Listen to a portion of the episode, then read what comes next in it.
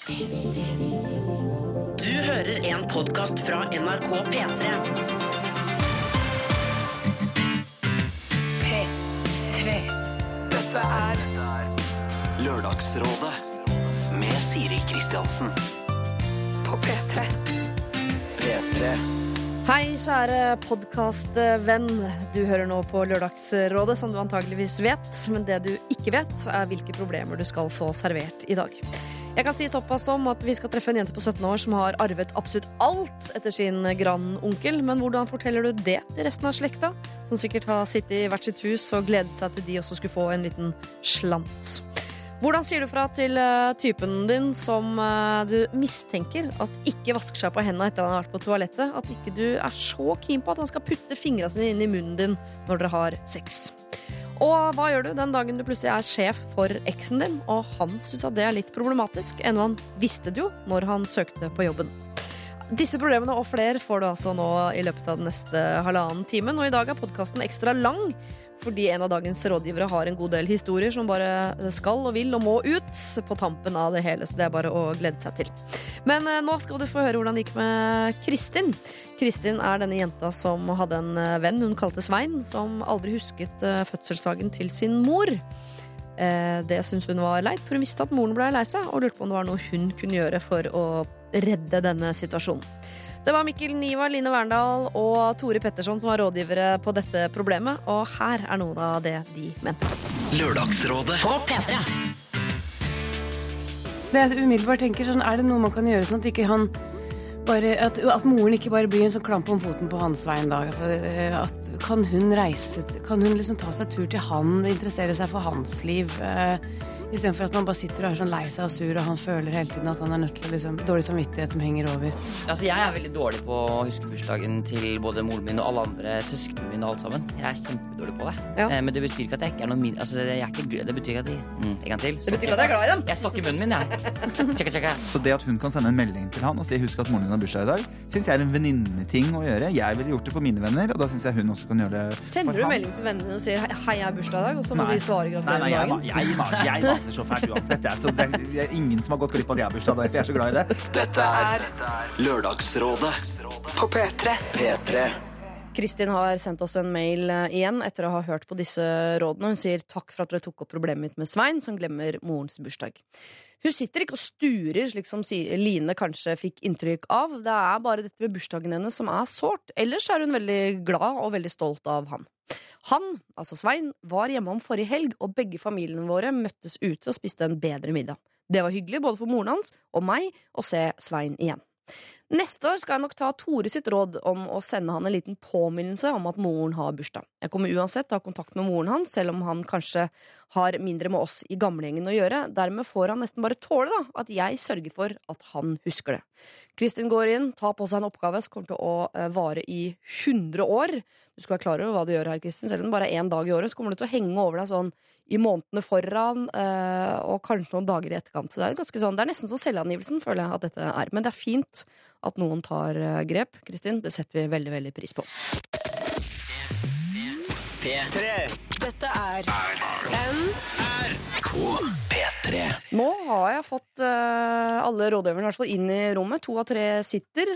Du må få deg en stol, Janne Rønningen. Nå er jeg spent. Du tar en krakke. Jeg kan ta en kropp. Tre, tre mennesker prøver å bytte på tre stoler. Det er som å se et barneselskap om igjen. Musikken har stoppet. Hvem har stol? For en festlig start på dagen, Å, det der er traumatisk å bli minnet på. Akkurat stolleken. Kan du ta de hodetelefonene, Henrik? Så kan jeg også få hodetelefoner. Ah, så på meg, jeg må også ha hodetelefoner. Jeg kan jo mens dere knoter og knøler og holder på der borte, fortelle at jeg i går uh, hacket meg inn på Dplay og så uh, første episode av 71 grader nord. Hvor du er med, Henrik Ja, ja, ja, ja. Klatret opp et fjell. Jeg- Norges lengste klatreløype. Nei, hva Eh, var det? Norges lengste via ferrata. Ja, Norges lengste via Ferrata. Er Det er jo klatreløype for uh, dummies, for det er, de har slått inn trappetrinn i metall hele veien. Nei, det var sikkert kjempeskummelt, det er ikke det jeg prøver å si, men det er jo Det lettere. er ikke noe skummelt i det hele tatt. Det er kjempegøy. Kjempegøy. Helt nydelig. Det er derfor jeg ikke er med noe i den episoden. Det er jo kjempekjedelig å se på folk som har det gøy. Ja, men det er mange som ikke er med i den episoden, egentlig. Eh, Ja, men eh, ja, det er jo bare de som griner, som får Ja. Det kunne noen fortalt meg før, da. Hadde jeg grinet som et uvær. Eller hvis du hadde sett en av de andre Skal jeg ha 99 sesongene av 71 grader nord, så hadde du sett at det, det er et mønster i de greiene der. Ja. Er det, har dere sett Janne Rønningen eller Christian Fredrik Mikkelsen? Ikke fått sett på 71 grader nordkjendis ennå. Er det det det heter? Ja. 71 grader nordkjendis, ja. Eh. Yndlingsordet mitt kjendis. Mm. Jeg elsker det. Vet du hva? Vet du, vet du, vet du når jeg føler meg stolteste øyeblikk? Nei. Når folk roper til meg 'Hei, det er han kjendisen'. Da, jeg blir jeg ordentlig sånn varm i hjerterota. Kan flere gjøre det? Vær så snill. Dette er en appell til det norske folk. Kall meg mer kjendis. Rop og pek på han, rop kjendis. Han elsker det. Helst på Narvesen halv tre når du venter på paninien. Ja, Er det, ikke det, beste? det trodde jeg var implisitt ja, i nei, jeg den måtte bare påpeke det. Ja. Når du er Det fanga i Paniniland. Er det noe som gjør det til deg, Jan Rønningen, fortsatt? Du var jo med Kjendis-Robinson i sin tid. Jeg var den første som var med på et kjendis-reality-program. Det er jeg innmari stolt av. meg. Hvem var det du var sammen med igjen? Det var jo Uff, en nei, forkvakla åh, må vi gjennom. Vi må gjennom det. Vet du hva, det var Anne Inger Landstein. Okay, det her var sånn, det var sånn Eh. Du våknet opp på liksom, Eller jeg, jeg eller, Tenk dere, altså Man våkner opp på en på, Og så tenker man sånn Er jeg på Nødøy? Ja. Ja. Er det mygg og dritt overalt? Ja. Er det noe å spise? Nei. Hvem er det du er sammen med, da? Det var bare masse rask. Ole Lukkøye. Ja, ja, ja. Eh, og så hun som spilte Alex i Hotell Cæsar. Hun som er budbilsjåfør nå? Er det henne? Nei, Ja, Nei, kanskje. det er, det er, er, er Jøss August, ja. Så jeg sitter kjendisen og ler av andre kjendiser. En- Vi ler av Nei, men jeg ler at det, det blir jo mimring. Alex fra Hotell Cæsar. Det, så- det er fantastisk. Det er fantastisk. Så J. Diva, eller hva Motherfucking diva queen. Ja, hva er det hun heter for noe? For Jannicke? Ja, Gry- liksom- Ja, Gry Harlem. ja. Og sjarmtrollet Jan Simonsen. Som er, som er Du vet det spørsmålet høyre for, eh, til høyre for, eh, for Frp. Dere vet det favorittspørsmålet alle journalister har før de, er, eh, før de blir lei? Som er sånn Hvis du havner på Nødøy, hvem ville du tatt med deg? Og Jan Rønningen fikk de fire hun ikke ville tatt med seg, og dro av gårde. Ja, det er gøy. Men da, Christian Fredrik Mikkelsen, mm. klarer jeg ikke å se annet enn at du er den eneste her i rommet som ikke har vært med på en kjendisvariant av noe. Det stemmer. Eh, Men det, dette er et annet favorittjournalistspørsmål Mm. eh, fra en ikke-journalist. Mm. Hvis du måtte, Mm. hvilket? Eh, hvis jeg måtte, så jeg har, Da hadde jeg lyst til å være med på Masterchef, tror jeg. Ja, men det det ser er- jeg for meg, men du ligner jo veldig på han Hellstrøm.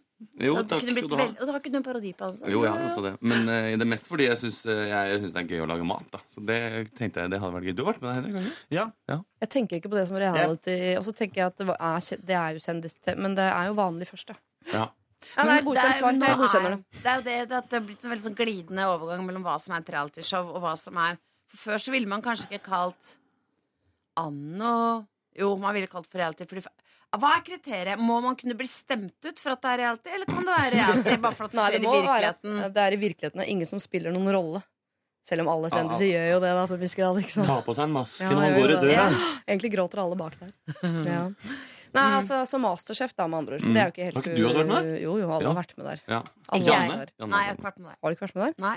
Ville Vant du du? ikke? Kom, du kom på andreplass. For nå er vi kvalm gjeng. ass. Hvis jeg hadde sittet og hørt på dette her på morgenen, så hadde jeg kasta opp inn i munnen. Ja, Det er jo kjendiseri, det her òg. Men vi er jo eh, PR-kåte drittfolk. Ikke jeg.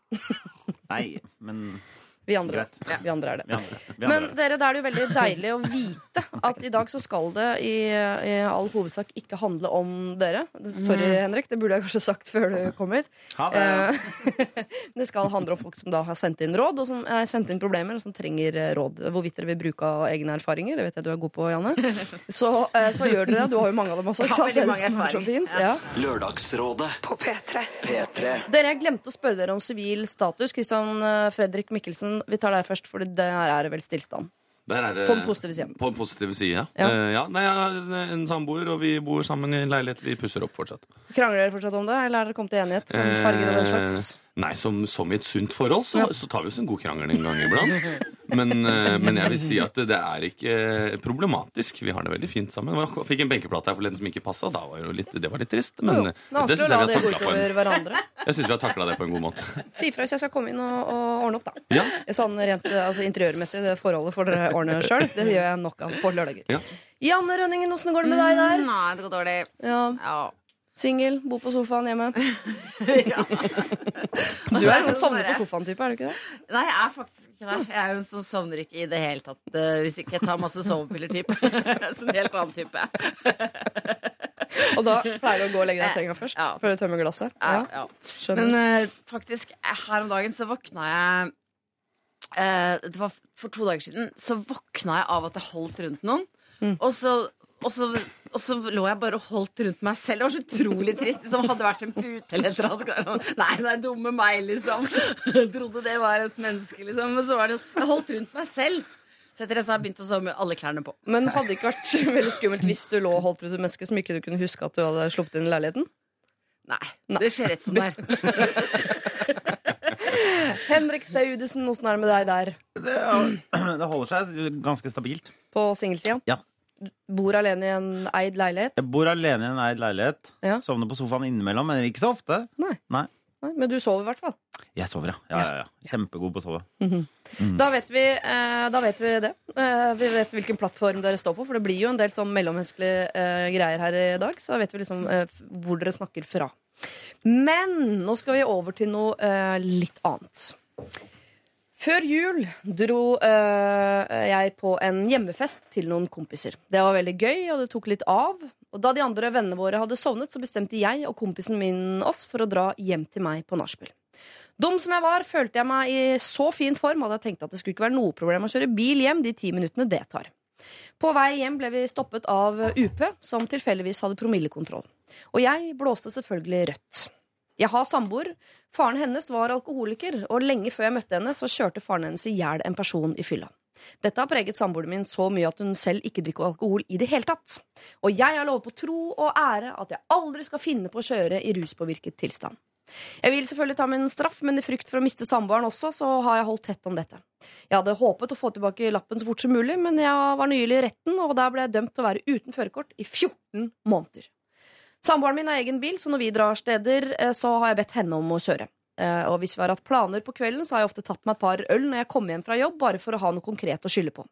Hun ville aldri finne på å la meg kjøre med promille. Det har jo da imidlertid ført til at hun har påpekt at jeg drikker litt for ofte. Et større problem er at jeg pendler til jobb. Det tar ca. halvannen time hver vei, og det er ikke noe buss eh, de tidene jeg tar til og fra jobb. Og det er ikke hvilken som helst jobb heller, det er min drømmejobb. Til nå har kompisen min som var med meg da jeg ble tatt med promille, stilt som sjåfør til og fra jobb. Han har vært arbeidsledig et halvt års tid og har vært veldig snill mot meg. Og jeg har betalt bensinpenger og litt ekstra til han. Han har heller ikke sagt noe, så vidt jeg vet, jeg, eh, til noen om at jeg har blitt eh, fratatt lappen. Men nå har han fått seg jobb, og den siste uka har jeg derfor tatt taxi til og fra jobb. Det koster 450 kroner hver vei, og jeg taper nesten derfor penger på å dra på jobb. Nå er jeg redd for å miste både jobb, samboer øh, og alt jeg er glad i. Om jeg ikke sier dette her, så vil jo det neste året bli helt jævlig, med veldig mange løgner, kronglete dager og ikke minst høye taxikostnader. Og eller lange sykkelturer. Så hva gjør jeg? Kall meg gjerne Vidar. Litt av en knipe, Vidar. Har viklet seg inni her. Klarer dere å, å starte hjernen så tidlig på morgenen? Det første man tenker, er jo sånn Du må jo bare si det. Du har Ja. jo ikke, det er ikke noen annen vei. Men siden det er så opplagt, og han ikke gjør det, så må det jo være enormt vanskelig for henne å få en sånn beskjed. Ja. Ellers hadde man tenkt sånn OK, jeg dreit meg ut. Uh, vet du hva, og det var ti minutter, og det var liksom, Bare sagt det, da. Mm. Og jeg ville tilgitt en person som hadde gjort det. Men når han syns det er så vanskelig, så må det, så må det være så må det være skikkelig, skikkelig vanskelig for henne å høre det. Ja, men det er noe med den at når man, eh, når man går og Når man først har begynt å holde det hemmelig, så blir jo det enda verre, da. da for hver Jeg, jeg, jeg synes det var veldig Jeg ble litt sånn stressa av å høre på det. For jeg Ja. tenker på at For hvert minutt som går, liksom, så blir det jo egentlig verre. Og Ja. da holder du det lenger og lenger hemmelig. Så du burde du egentlig bare løpe hjem nå og si det. Ja, det kan hende han er hjemme nå, også. Han Ja. er, ja. Det kan hende at de Det hører er på helt forferdelig å si det nå, men det er jo enda verre i morgen. er det ikke det? Jo, jo. Ja, ja. Men det går eh, Det der eh, høres jo ikke ut som det går, selv om du snart kan sykle. Så er det fortsatt 13 måneder igjen uten lappen. Det blir veldig veldig dyrt. Eller så kommer det til å bli eh, Tor Hushovd i løpet av de uh, månedene. Ja, skal det drive er kjempe- sykle. Ja. Ja, for det var det sånn at fordi at han Hvordan var det med Kommer han ikke i fengsel? Nei, han har mista lappen i 14 måneder. Ja, 14 måneder kommer ikke i fengsel. Nei, ok. For det fengselsoppholdet hadde blitt vanskelig å bortforklare. Men da har jeg et alternativ Ja. til å si det. Eh, Det han kan gjøre, er å si at han har utviklet en fobi for. Kjøreangst? Ja, kjøreangst. Ja. Siden han eh, Siden han eh, allerede har bedt henne om Å, det her er Å, herregud, så bra det her er. Fordi han har allerede begynt å ta et par øl for å slippe å kjøre. Ja. Og så eh, har hun påpekt at han har begynt å drikke litt. Mye i det siste. Mm. Når han da kommer og sier at han har kjøreangst, og at det er derfor han har drukket et par øl eh, for å slippe å kjøre, eh, så kommer, mm, kommer det til å make sense. Ja. Eller da kommer ikke det til å være så rart. Nei. Så Det er en fin måte å ljuge seg ut av en ljugesituasjon på. Det, vi Mm. har jo ikke avfeid ljuging som alternativ her. Det er alltid et alternativ. Det, Det er til sannheten. Men eh, vi har jo noen praktiske greier her eh, også, som handler om hvordan han skal komme seg til jobben de neste 13 månedene. selvfølgelig eh, Men det er mer sånn eh, praktisk. Jeg tenker at vi løser det der følelsesmessig først. Og da tenker jeg, hva er viktigst? Eh, skåne kjæresten sin fra at eh, Oi, det ser ut som jeg ikke er helt ulik han faren din, som du ha- har et litt vanskelig syn på. Eller er det verre at han da går og, og ljuger og ljuger og ljuger? og ljuger, og ljuger, og ljuger? Hvordan er det med hun og faren? Har hun jo tatt noe oppgjør der, eller er det, slenger hun alt det problemet hun har med faren, over på kjæresten, og ikke lar han drive med noe, for hun tenker sånn Du, du kan ikke drikke fordi pappa gjorde det? Hvordan det forholdet deres var, det er jeg usikker på, men at pappaen er, eh, ikke er her lenger, det er såpass kan jeg si. Mm. Så hun syns jo det der med at noen kjører fylla, jeg syns jo det er verre enn det folk flest syns. Det skjønner jeg. ja. Så da er det jo ille hvis Vidar kommer hjem og sier det. Men han har jo gjort det. Men han har jo eh, Sorry, Vidar, men du har jo driti deg skikkelig ut fordi du har kjørt i fylla og blitt tatt. Ja. Um, og eh, hvorfor skal man bare kunne ljuge seg ut av det? Ja. Heller dere mot øh, å ikke ljuge her?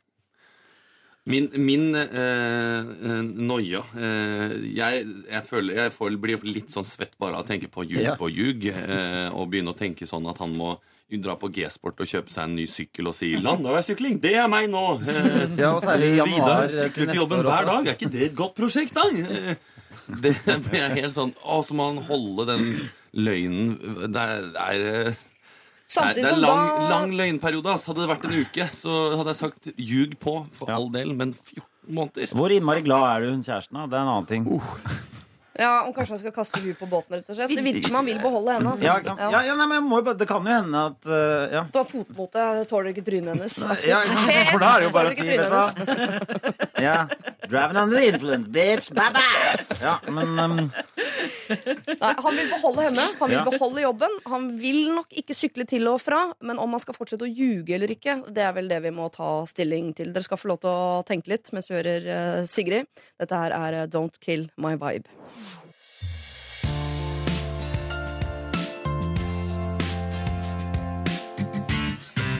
Sigrid, hvis du hører på, denne Don't Kill My Vibe kunne godt vart mye lenger. Det er ikke mange, ja, Den kunne vært en femminutter, den. Ja. Den den kom liksom akkurat i gang. Og så vil man, man vil ha det refrenget en gang til. Eh, men antageligvis er det bare en time og halvannen til du hører den om igjen her på P3, så det, det går kjempefint, det. Ellers så finner du den på Spotify, vil jeg tro. Dere, eh, drit i det. Hei, hei, Mats. Hei. Ja, men jeg syns det er positivt. Når en låt er så fin, så skal den komme ofte. Det er eh, My Name Is Luca som ikke skal gå så ofte, men det er mer et stikk til P4, og de hører jo ikke på. Jobber du der, Janne? Nei, jeg har har verdens beste My Name Is Luca-historie. Ja, den får vi ta en annen gang. ja. Den er veldig bra. Ja, jeg gleder meg kjempe til det. Jeg skal dramaturgisk få lagt den inn et eller annet sted i løpet av dagen. Men kan noen kjapt fortelle meg hvor hun bor? Hvem da? Luca? Andre etasje. Det er min, er det min historie handler om.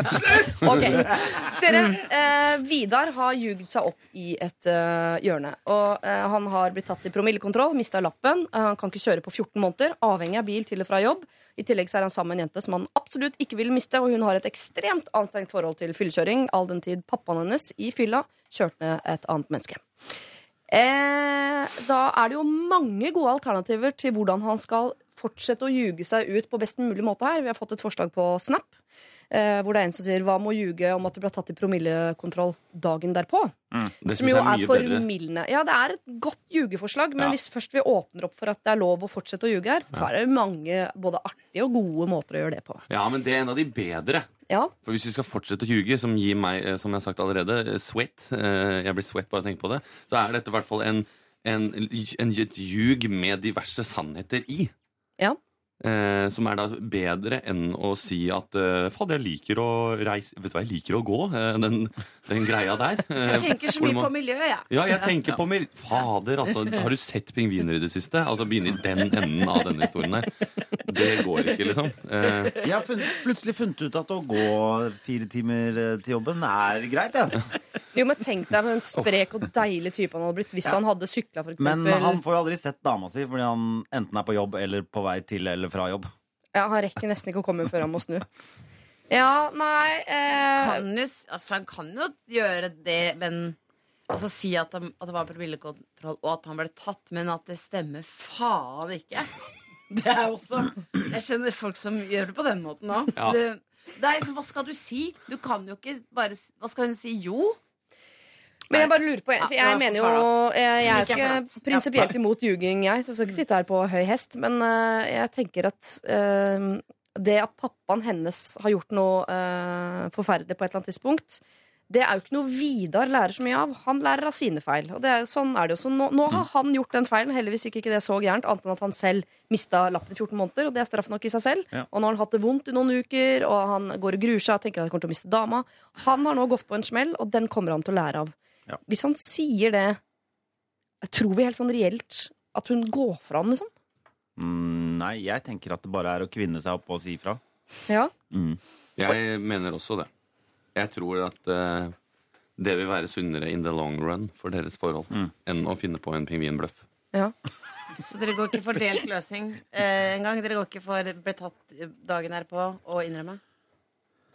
Ja, Det er i så fall den beste ljugen vi har, syns jeg. Men jeg, men eh, da, ja. jeg, jeg ville ikke gjort det. Jeg, ville, jeg, jeg vil stemme for en eh, full sette seg ned og fortelle det. løsning. Full frontal attack. Full frontal. Ja. Vi, eh, vi hadde jo aldri gjort det sjøl, men eh, jeg mener at det er det beste å gjøre. Jeg har ikke lappen. Ikke jeg heller. Jeg har ikke lappen engang. jeg. Så Ja, men- snill er jeg. La oss bare konkludere med det, da, Vidar. Du må uh, fortelle kjæresten din at du har mista lappen. Om du vil uh, fortelle hele sannheten, eller om du vil legge til en liten sånn formildende løgn som er at du ble tatt dagen derpå, eller et eller annet, uh, så godkjenner vi det. Men bare lite sånn hvordan skal komme seg til fra jobben de neste 13 månedene? Dere? Skal han fortsette, for det Vidar kommer til å gjøre, er å fortsette å kjøre bil. Tror du Tror det? jeg. Ja, det er det folk gjør. Folk uten lappen kjører bil. Ja, ja, ja.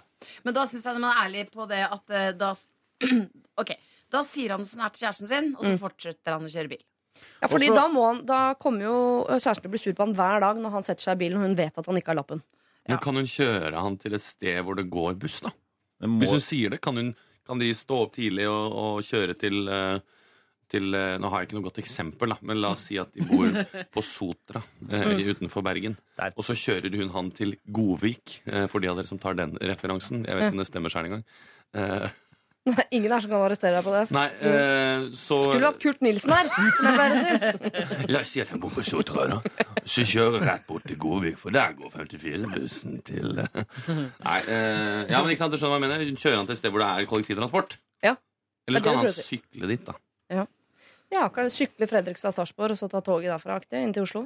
Mye bedre sted å plassere det enn Sotra og Godvik. For oss på Østlandet er det Ja. en bedre referanse, men for folk i Bergen så var jo din referanse mye bedre. men hvis han er fra Alta, så er alle fucked uansett, for der går det ingenting noensinne. Ja, men det var ikke Liksom. så langt. Det er ofte sånn i Alta, de har sånne sjuke Ja, det er fire timer til jobb, og så er det fire timer hjemme igjen. Men faen, det trives. Ja, Seks timer i motvind. Ja. Ja, ja, Hjemmekontor. som sveiser på Ja, ja.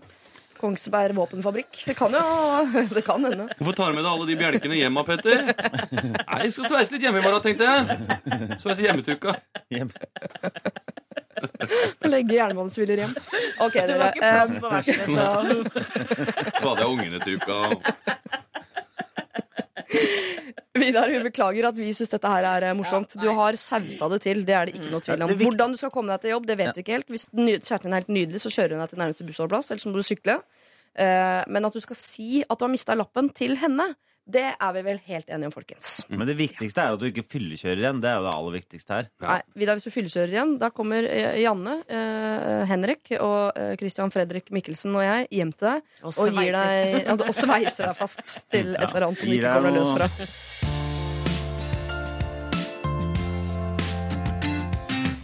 Snakeship sammen med Mø, som Christian Fredrik Mikkelsen er så himla glad i. Don't leave dette her, da. Du er så glad i Mø, du. Jeg syns, eh, syns Mø er fin, ja. Ja. Det meste jeg hørte på Mø i dusjen i dag. Ja. Mm. Men du hørte på denne? Snakeship Det var den jeg hørte på, og. Mø? Den var tre, sek- eh, som jeg sa, det var tre minutter lang. Da visste jeg at når den låta er ferdig, så må jeg ut for da må jeg komme til Lørdagsrådet. Ikke for å være sånn irriterende, men den var i 3.32. Ja, ok. Men eh, da var du litt irriterende. Du er rådgiver her i dag sammen med Janne Rønningen og eh, Henrik Todesen, eh, som jeg så på TV i går på 71 grader nord. Gjorde en strålende figur de få sekundene du var inne der. Takk for det. I neste episode håper jeg du griner. Ja. Ja. Ja. Jeg griner alltid inni meg. Det må du huske på, Siri. Ah, det var ikke meningen å le av, faktisk. Um, kjære Lørdagsrådet. Jeg Nå har gråter, nå gråter Henrik. Ja. Ja. jeg, jeg går glatt videre, later som ingenting av det vi har sagt, har blitt sagt høyt. Jeg har en symaskin. Det vil si, jeg har min eks-svigermor sin symaskin. Denne fikk jeg henne for noen år siden da jeg var sammen med daværende samboer, kall han Lars. Det vil si, jeg vet ikke egentlig om jeg fikk den, eller om jeg bare fikk låne den. Jeg og Lars bodde sammen, men pga. jobb og studier måtte vi flytte til forskjellige byer. Og etter noen måneder ble forholdet slutt. Eh, Og jeg har da fortsatt min eks-svigermors symaskin. Den vil jeg ikke ha, og det føles heller ikke. Ja. Og det føles heller ikke riktig at jeg skal ha den. Jeg har liten plass her jeg bor nå, og jeg ser den hver dag og tenker at jeg burde få levert den. Men hvordan skal jeg få gjort det, da? Jeg bor i byen, hun bor et stykke utafor. Jeg har ikke bil, og jeg orker ikke å drasse rundt på en symaskin, på buss eller tog. Og dessuten så blir det litt rart om jeg skal styre sånn og reise helt ut dit for å få levert henne den. Eks-svigermor har en datter, altså storesøsteren til Lars, da, som bor i samme by som meg. Skal jeg blande henne inn i dette? Henne har jeg ikke møtt eller snakka med på tre år. Og nå må det sies at jeg har et godt forhold til eks-svigermor. Jeg besøkte henne for bare et år siden da jeg var i området, og vi spiste kake og hygga oss. Men likevel så føles det litt sårt å skulle ta kontakt med henne for å få levert tilbake, selv om det er det jeg helst vil. Jeg har ikke snakket så mye med eksen min eh, det siste Det er vel et år siden sist, og jeg aner ikke hvor han bor eller hva han gjør. Jeg har nå ny kjæreste, og vi skal flytte sammen, og jeg vil ikke ha med den symaskinen inn i vårt felles hjem. Håper dere kan hjelpe meg. Kall meg Sara. Sara må bli kvitt en symaskin. Sara, Sara må også bli kvitt det største problemet i livet hennes. At hun overdramatiserer helt ekstremt mye. Det er ikke Praise, sant. brother. Det, da er det du som ikke har satt deg grundig nok inn i hvordan det føles Ja, for. Sara, Ja. Henrik. Fordi, Ja. eh, For den symasjonen er bare et symbol Ja. på noe mer. Ja, jeg symbol på noe mer. For det, den Ja. er gitt henne av kjærlighet og masse omsorg. Og svigermor, eks-svigermor har sett for seg hvordan hun, Sara, skal sitte der og sy vakre ting til hennes sønn og, hen, og Saras Fremtidig Lars barnebarn. ja. ja, og barnebarnet. Så du hun vil levere den tilbake på en respektfull måte. Se, nesten som å levere tilbake en ring. Se på Henrik, nå tar han det alvorlig. Ja, men jeg tror det Henrik mente, da, er at, at utgangspunktet her er ikke så dårlig. Fordi uh, det er en søster hun, hun har vært for ett år siden og spist Altså, de har et godt forhold. Det er ikke sånn 'jeg knivstakk eksen min', øh, og nå er det nå Stokk noen i jeg- mellom, i hvert fall. Nei, ikke sant? Det, jo, men- kniven. Men da er hadde det vært mye lettere. For at det er sånn, jeg knivsa, jeg vil ikke ha noe med dere da, da må han liksom åpne ja, og ikke leke Her ja. det en jævla symaskin! Ikke sant? Da Ja. er det liksom Det er fordi alt skal være med respekt. ja, ikke sant? Jo, men Det jeg kan bli med dere på i forhold til at Sara overdramatiserer litt, grann, er jo reaksjonen i andre enden her. Jeg tror ikke da at Hvis hun ringer eks-svigermor og sier 'den symaskinen' eh, skal jeg, vil, du ha tilbake den? Skulle vi ha funnet et sted vi kan møtes, sånn at du får med deg den hjem? Så tror jeg ikke hun svigermoren Jeg tror ikke du åpner opp et blødende sår. På en måte Jeg tror ikke. det går kjempefint. Du kan gjøre det enda enklere. Du kan sende en melding. 'Hei, jeg har den symaskinen. Er, er det min?' Eller er det, 'Jeg har i hvert fall ikke plass til den og ikke interessert i den', så hvis dere vil ha den, kom og hent den, ellers så kommer jeg til å gi den bort. Ja, eller sånn, jeg Er det ikke så greit? her mener jeg at det er lov med litt ljuging. Jeg skal flytte. Jeg driver og pakker, jeg skal flytte sammen med ny kjæreste. Ja. Eh, Og da dukket den symaskinen opp. Og så ble jeg plutselig litt flau og usikker på om jeg i hele tatt fikk den, eller om jeg bare har lånt den. Altså, Skal du ha den tilbake eller ikke hvis uh, svigermor sier nei, herregud, den har du bare fått? Finn.no. Ja, Men så kan du også si kjæresten min har en enda større symaskin, så vi trenger ikke to. Da tror svigermor at hun prøver å si sånn Han nye kjæresten min har større enn det sønnen, så tror hun det er en peniskamp. ikke sant? Det går ikke. Men det, men, det er, men det er liksom det med gaver. Da. Det blir jo alltid sånn litt vanskelig med gaver. For altså, Folk har lagt så mye kjærlighet i det. Nei. Ikke alltid. Ingen har Nei. lagt kjærlighet i det. Og jo, noen ganger. For eksempel, for eksempel da. Pappa kjøpte, eh, meldte seg inn i en sånn bokklubb eller noe sånt. Bare eh, for å få Det her skrev han på meg på SMS. Kan se på den SMS-en senere hvis dere ikke tror meg. Eh, jeg har meldt meg inn i bokklubb eller en eller annen klubb bare for å få denne mobilladeren som jeg tenkte jeg skulle gi til deg. Så tenkte jeg bare sånn Jeg vil ikke ha mobillader. Fordi at eh, liksom der, Ikke lader med sånn ekstra batteri, vet dere. Som man kan Ja, ja. Jeg vet ikke hva det heter. Ekstra batteri. Ekstra ba- Powerbank. Ja. Og så svarte jeg ikke på det. Jeg bare tenkte sånn Åh, la dette bare gå over av seg selv. Men så kom jeg dit, og da ga man den powerbanken. Mm. Og, sa, og så sa han sånn Vær så god, jenta mi. Og så sa jeg sånn Jeg, jeg vil ikke ha den, jeg, pappa. Og da sa han sånn Da sa han quote Ikke vær sånn, da. Mm, da ble han lei seg. Ja, For nå betaler han 300 kroner i måneden han. Ja, ja, men der har han gått og tenkt på det, liksom at uh, Janne hun klarer jo aldri å huske på å ta med seg laderen. Og, hvorfor Ja, jeg da skulle klare Men- å ta med en powerbank? er Men en der må, der må du jo si Og tusen takk for, eh, tusen takk for denne. Og så eh, Da lyver man. For det gjør man alltid når man får presanger sånn. Men det er etterpå. Når, det, når den er gitt for to år siden, så er man sånn ja, ja, sy, Ja, men jeg, mener, jeg mener at idet du har fått en gave, så kan du gjøre hva du vil med den gaven. Ja. Om du da vil bruke den som bokstøtte eller legge den på finn.no, så er det opp til, uh, opp til deg selv. Så hvis det er sånn at Sara fikk symaskinen, så er det opp til Sara hvordan hun vil kvitte seg med den igjen. Men å spørre på SMS litt sånn Oi, hehe, jeg husker ikke jeg fikk den, eller vil du ha den igjen, eller Du har jo også den søsteren da, som bor i samme byen, ja. som du både kan ta kontakt med eller eh, brukes som et sånn eh, dumpepunkt hvis du snakker med denne svigermoren og sier Jeg kunne jo satt den hos Randi, for eksempel. Eller Mm. hva nå hun søsteren heter. Sikkert Randi. Eh, sikkert Randi, ja. Eh, typisk Randi. Mm. Eh, og om Randi bor, på, om, om de bor, på, og bor i Bergen, da, og moren bor på Sotra, så kan jo, Kan så kan jo Randi ta med den. Kan du ta dette som Kurt Nilsen? Ja, så eh, La oss si at de bor i Bergen, og, og Randi kan få den symaskinen. La oss si at det er en Singer, da. En Singer-symaskin. Du kan ta den over broa. Over Puddefjordsbroen. Over disse. Jeg gled litt over i noe annet. Men eh, Så, så skjer det når man går i karakter. det Puddefjordsbrua? er Puddefjordsbroa, ja. Ja. Det er broa som går over Puddefjorden. Ja, ikke sant? Det skjønte jeg. Men det, Akkurat det skjønte jeg. eh, hvor, hvor lenge siden var det det ble slutt? Tre år. Hvis folk var interessert i en symaskin, så hadde de funnet ut av det i løpet av tre år, tenker jeg. Men de møttes jo for et år siden! Det er jo ikke så ikke bad blood. Nei. Og da nevnte, Svigermor nevnte ikke den symaskinen for et år siden når de spiste kake. Det er, å spise kake er perfekt tidspunkt å nevne Ja, det er det faktisk. Vet du hva som også er perfekt? Dette er et perfekt tidspunkt for en helt streit løgn. Altså sånn, Du sier ingenting, men hvis svigermor en dag spør, så sier du vet du hva, jeg har ikke hatt eh, hjerte til å fortelle deg dette her, jeg. Men, men den, sy, den, den symaskinen, den ble stjålet. Eller bare si Vi flytta, og da var det ikke plass til den symaskinen, så den Eller ikke si noen ting, bare legge den på Finn. Det er aldri noen som kommer til å spørre til den symaskinen, da. Det mener jeg. Jeg tror ikke det. Så jeg tror Jeg hadde bare solgt den. Ja. Jeg hadde tatt med meg videre, for du kommer til å trenge den en dag. Ja. Jeg trenger symaskin. Jeg Mm, jeg bytter, den, jeg bytter den mot en Lørdagsrådekopp. Ja. Så hvis du sender den inn hit til Bjørnstjerne Bjørnsons plass 1 Jeg høyner med en sånn Powerbank. Powerbank. Ja. Du bytter den mot Powerbank, jeg mot en Jeg har faktisk kjøpt en symaskin og gitt til en dame en gang. Kanskje jeg skal få tilbake den nå? Jeg Det er på tide. svigermor er hennes, tide. faktisk. Jeg ringer henne.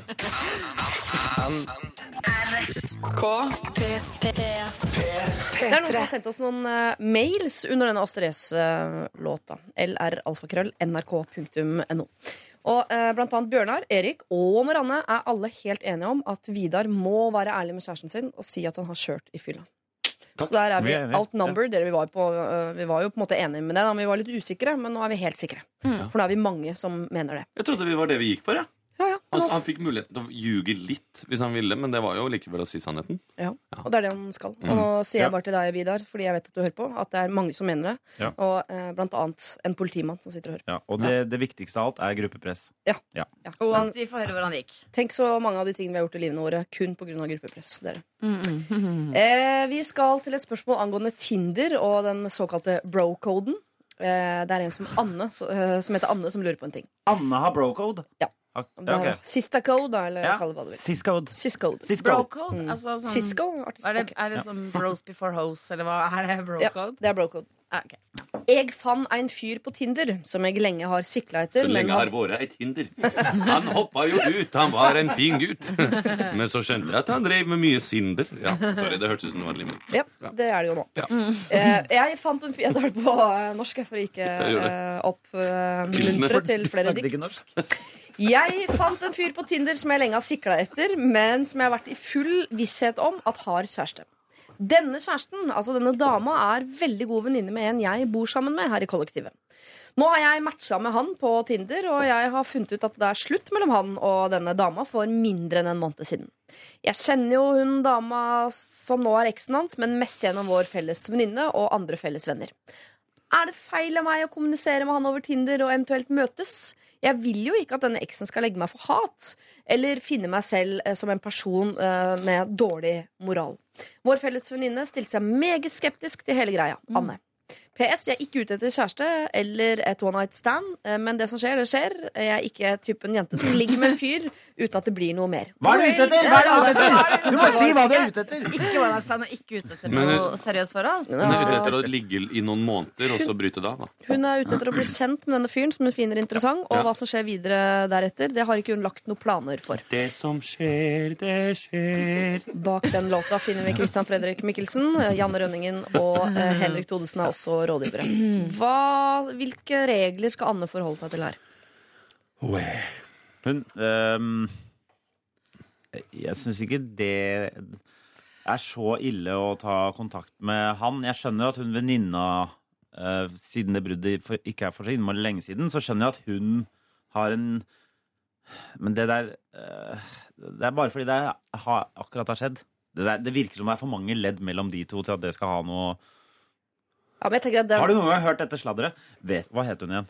Anne. Vet du hva Anne gjorde, eller? Hun dro på date med, eh, med eksen til eh, eh, en som var venninna av en venninne av henne. Fy fader, det er dårlig moral, ass. Er du ikke Det var godt sagt. Ja. Å sette det i det perspektivet Ja. der. Jo, i en, jeg, jeg, jeg tenker Dette er et storbyfenomen. Fordi i en storby så er dette eh, Ah. det, Her kan man unngå det. Bor du på et bitte lite sted, Ja. Så er det sånn folk holder på hele tiden. ja, men bor du på et bitte lite sted, eh, så Må du flytte? ligger ikke alle med hverandre da Jo. Uansett? Jo, Ja, det, det, det, så så der er det ikke noe som heter bro-code, tror jeg. Men hun eh, sier jo i mailen at uh, 'jeg vil ikke at denne eksen skal legge meg for hat'. Og det kommer hun vel til å gjøre. Ja.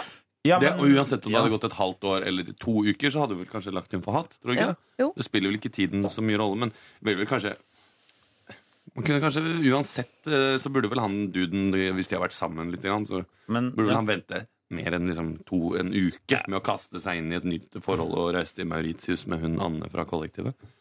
Ja, det er jo et annet aspekt at det er jo ikke smart å innlede et forhold til noen som nettopp har kommet ut av et forhold. Nei. Men som hun skriver selv, hun er jo ikke ute etter et forhold. Nei.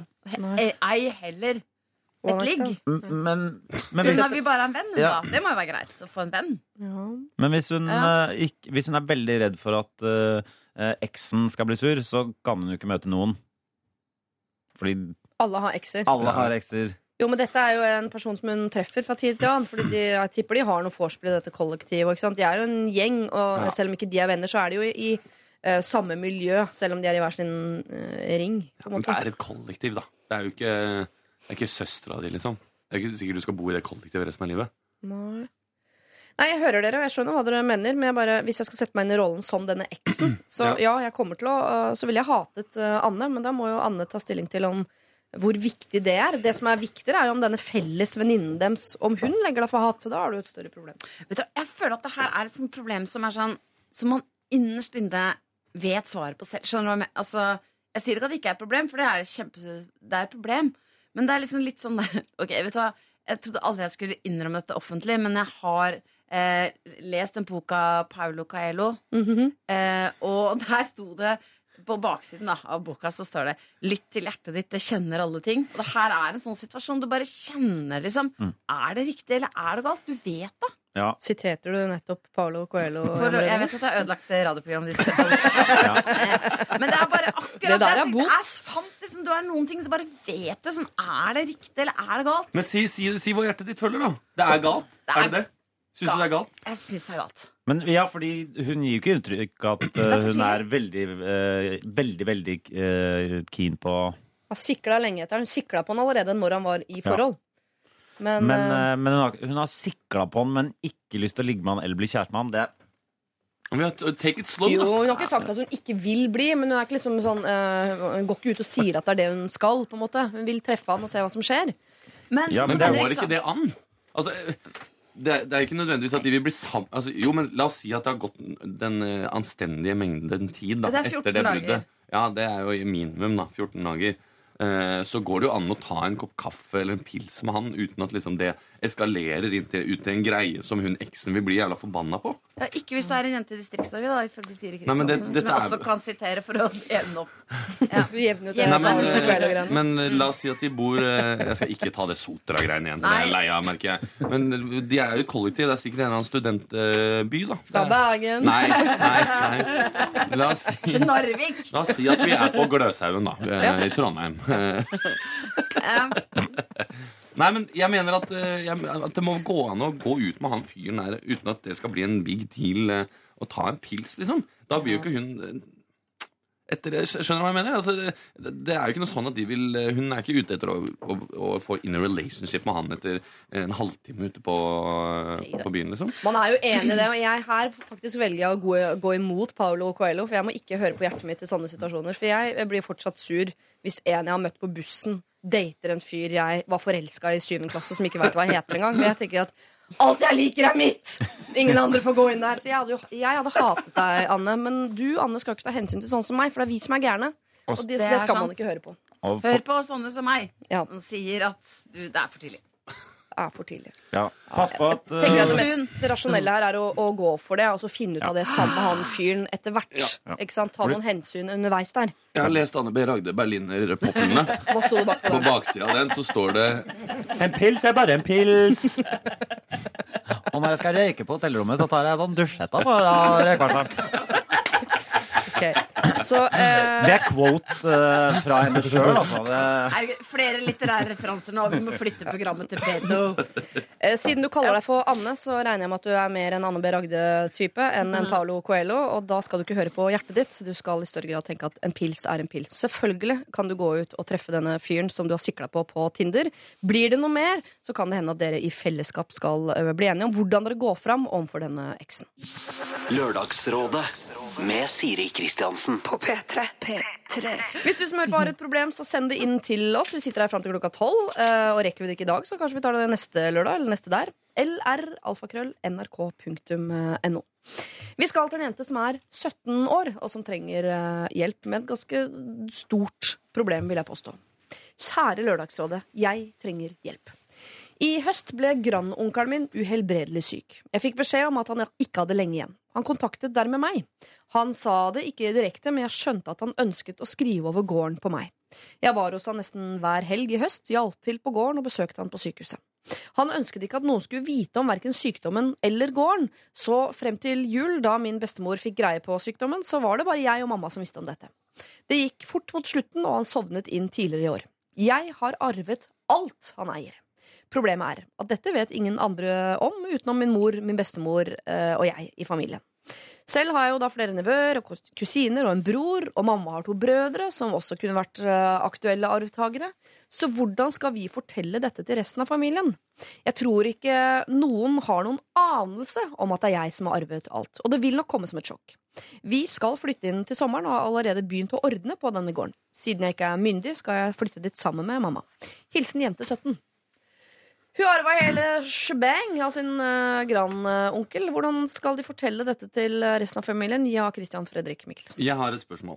Er det mange andre arvinger der ute som, som på en måte hadde hatt Altså, Hadde han noe barn, han grandonkelen? nei, fordi hadde han hatt barn, så hadde de automatisk fått uh, to Ja. tredjedeler. Ikke sant? Han er i den heldige situasjonen at han kan velge helt fritt hvem som skal arve han, og det er mange som kunne ha gjort det.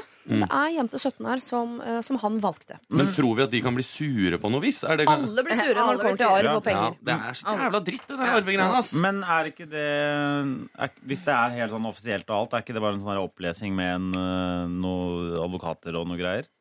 Jeg, jeg tipper det praktiske og det mer sånn lovmessige er på stell her. Det er vel Ja, mer det. Hvordan skal jeg eh, fortsatt ha en familie på andre siden som ikke har lyst til å knivstikke meg hver gang jeg går ut døra? For å si noe litt tøysete, kan jeg si noe litt tøysete før, vi, før jeg tar ordentlig tak i dette problemet? Det skulle vært en uh, rar Det skal greie. være bra. Det skal være bra.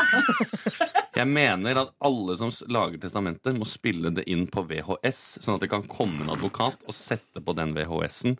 Så kunne grandonkelen sagt det sjæl! Da hadde ikke hun trengt å si det. Var det det med VHS som var tøysete? Ja, det var det med VHS. VHS. Filformatet var Ja. tøys. Å Ok, ja, så hvis det hadde vært på Snap, så hadde det vært tøys. Det hadde vært mer tøys. For da er det bare ti 300 sekunder, og så så må spille den av igjen! Spille den av igjen! Er det ikke det som ikke går, da? Så. Eh, Kan man ikke legge ut evig snap? Mm. Ja. Snap for Ok. evig? Nei, det. Dere, det går vi ikke i. Men Men hun har jo på en måte foregrepet litt ved at uh, de har ikke sagt det til resten av familien, men uh, jeg har arva og jeg har flytta den allerede. Skjønner du hva jeg mener? Altså, hun har jo begynt å flytte inn allerede. Ja, begynt å ordne det. Det er en Ja. gård som trenger at noen til enhver tid altså, Det er jo sånn det er å drifte en gård. Det er ikke sånn at du kan si sånn Nei, nå lar vi deg bare stå der aleine i et år, Ja. og så tar vi tak. Så hun har jo vært veldig grei og hjulpet til mens han har ligget på sykehus osv. Mm. Og det som selvfølgelig skjer da, det har vi sett gang på gang. Mm. Det som Mona Høines har jo vært en sånn sak. Mm. At hun hjalp noen som eh, noen, Eller besøkte noen gamle folk, og så, og så ble hun arving, og da har det vært sånn kjemperettssaker og helt Ja, Mm. der, ja. Men det var det kids inne, var det ikke? Eh, nei. Nei. Eller jeg tror det var liksom grandonkel, Å, ja. Jeg husker ikke. Men litt. Mm. Men hun er jo i familien, hun, så det Men du kan ikke gjøre for arveløse.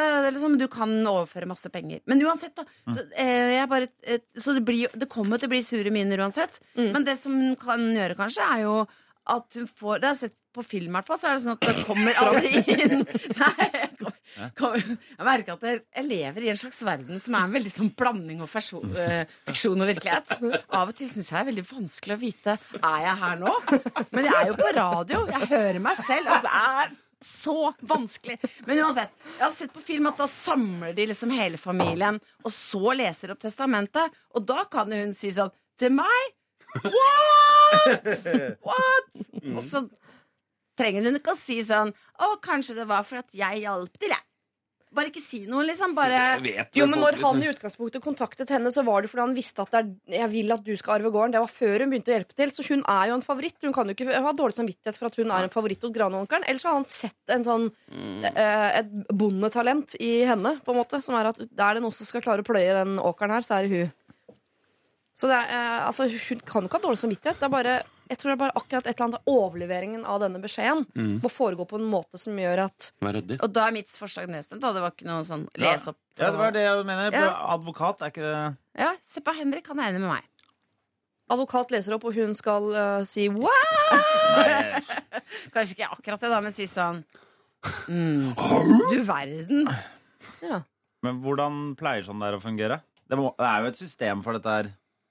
Ja, det er i hvert fall ikke du, jente 17, som skal gå og si Nei, dette her. du skal ikke Eh, ringe nei. til noen Nei, det er mammaen din. Ja, men mamma. tenker dere liksom en um, Nå skal jeg eh, Kan passe ikke på å en ikke advokat blande ringe?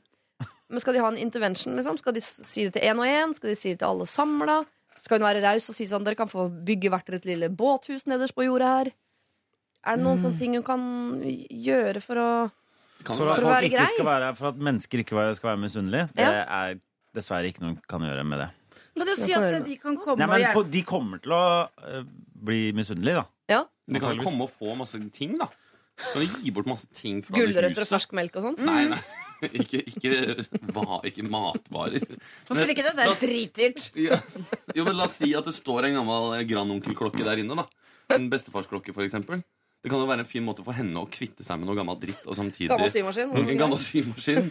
Eh, og liksom eh, og, og invitere disse andre inn i dette, denne arven hun har fått. Og gi bort noe greier, og samtidig starte sitt nye liv på gården.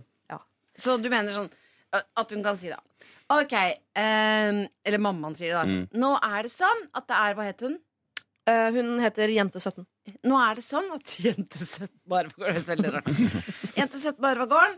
Eh, og, det, og vi skjønner at det kommer som et sjokk på alle sammen. Og det er sikkert mange som har følt at de også fortjener en del av dette her. Og det har vi også tenkt på.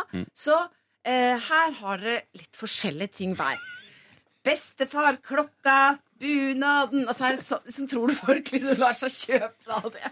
Så der har du en sleiv, liksom. Den er gammel.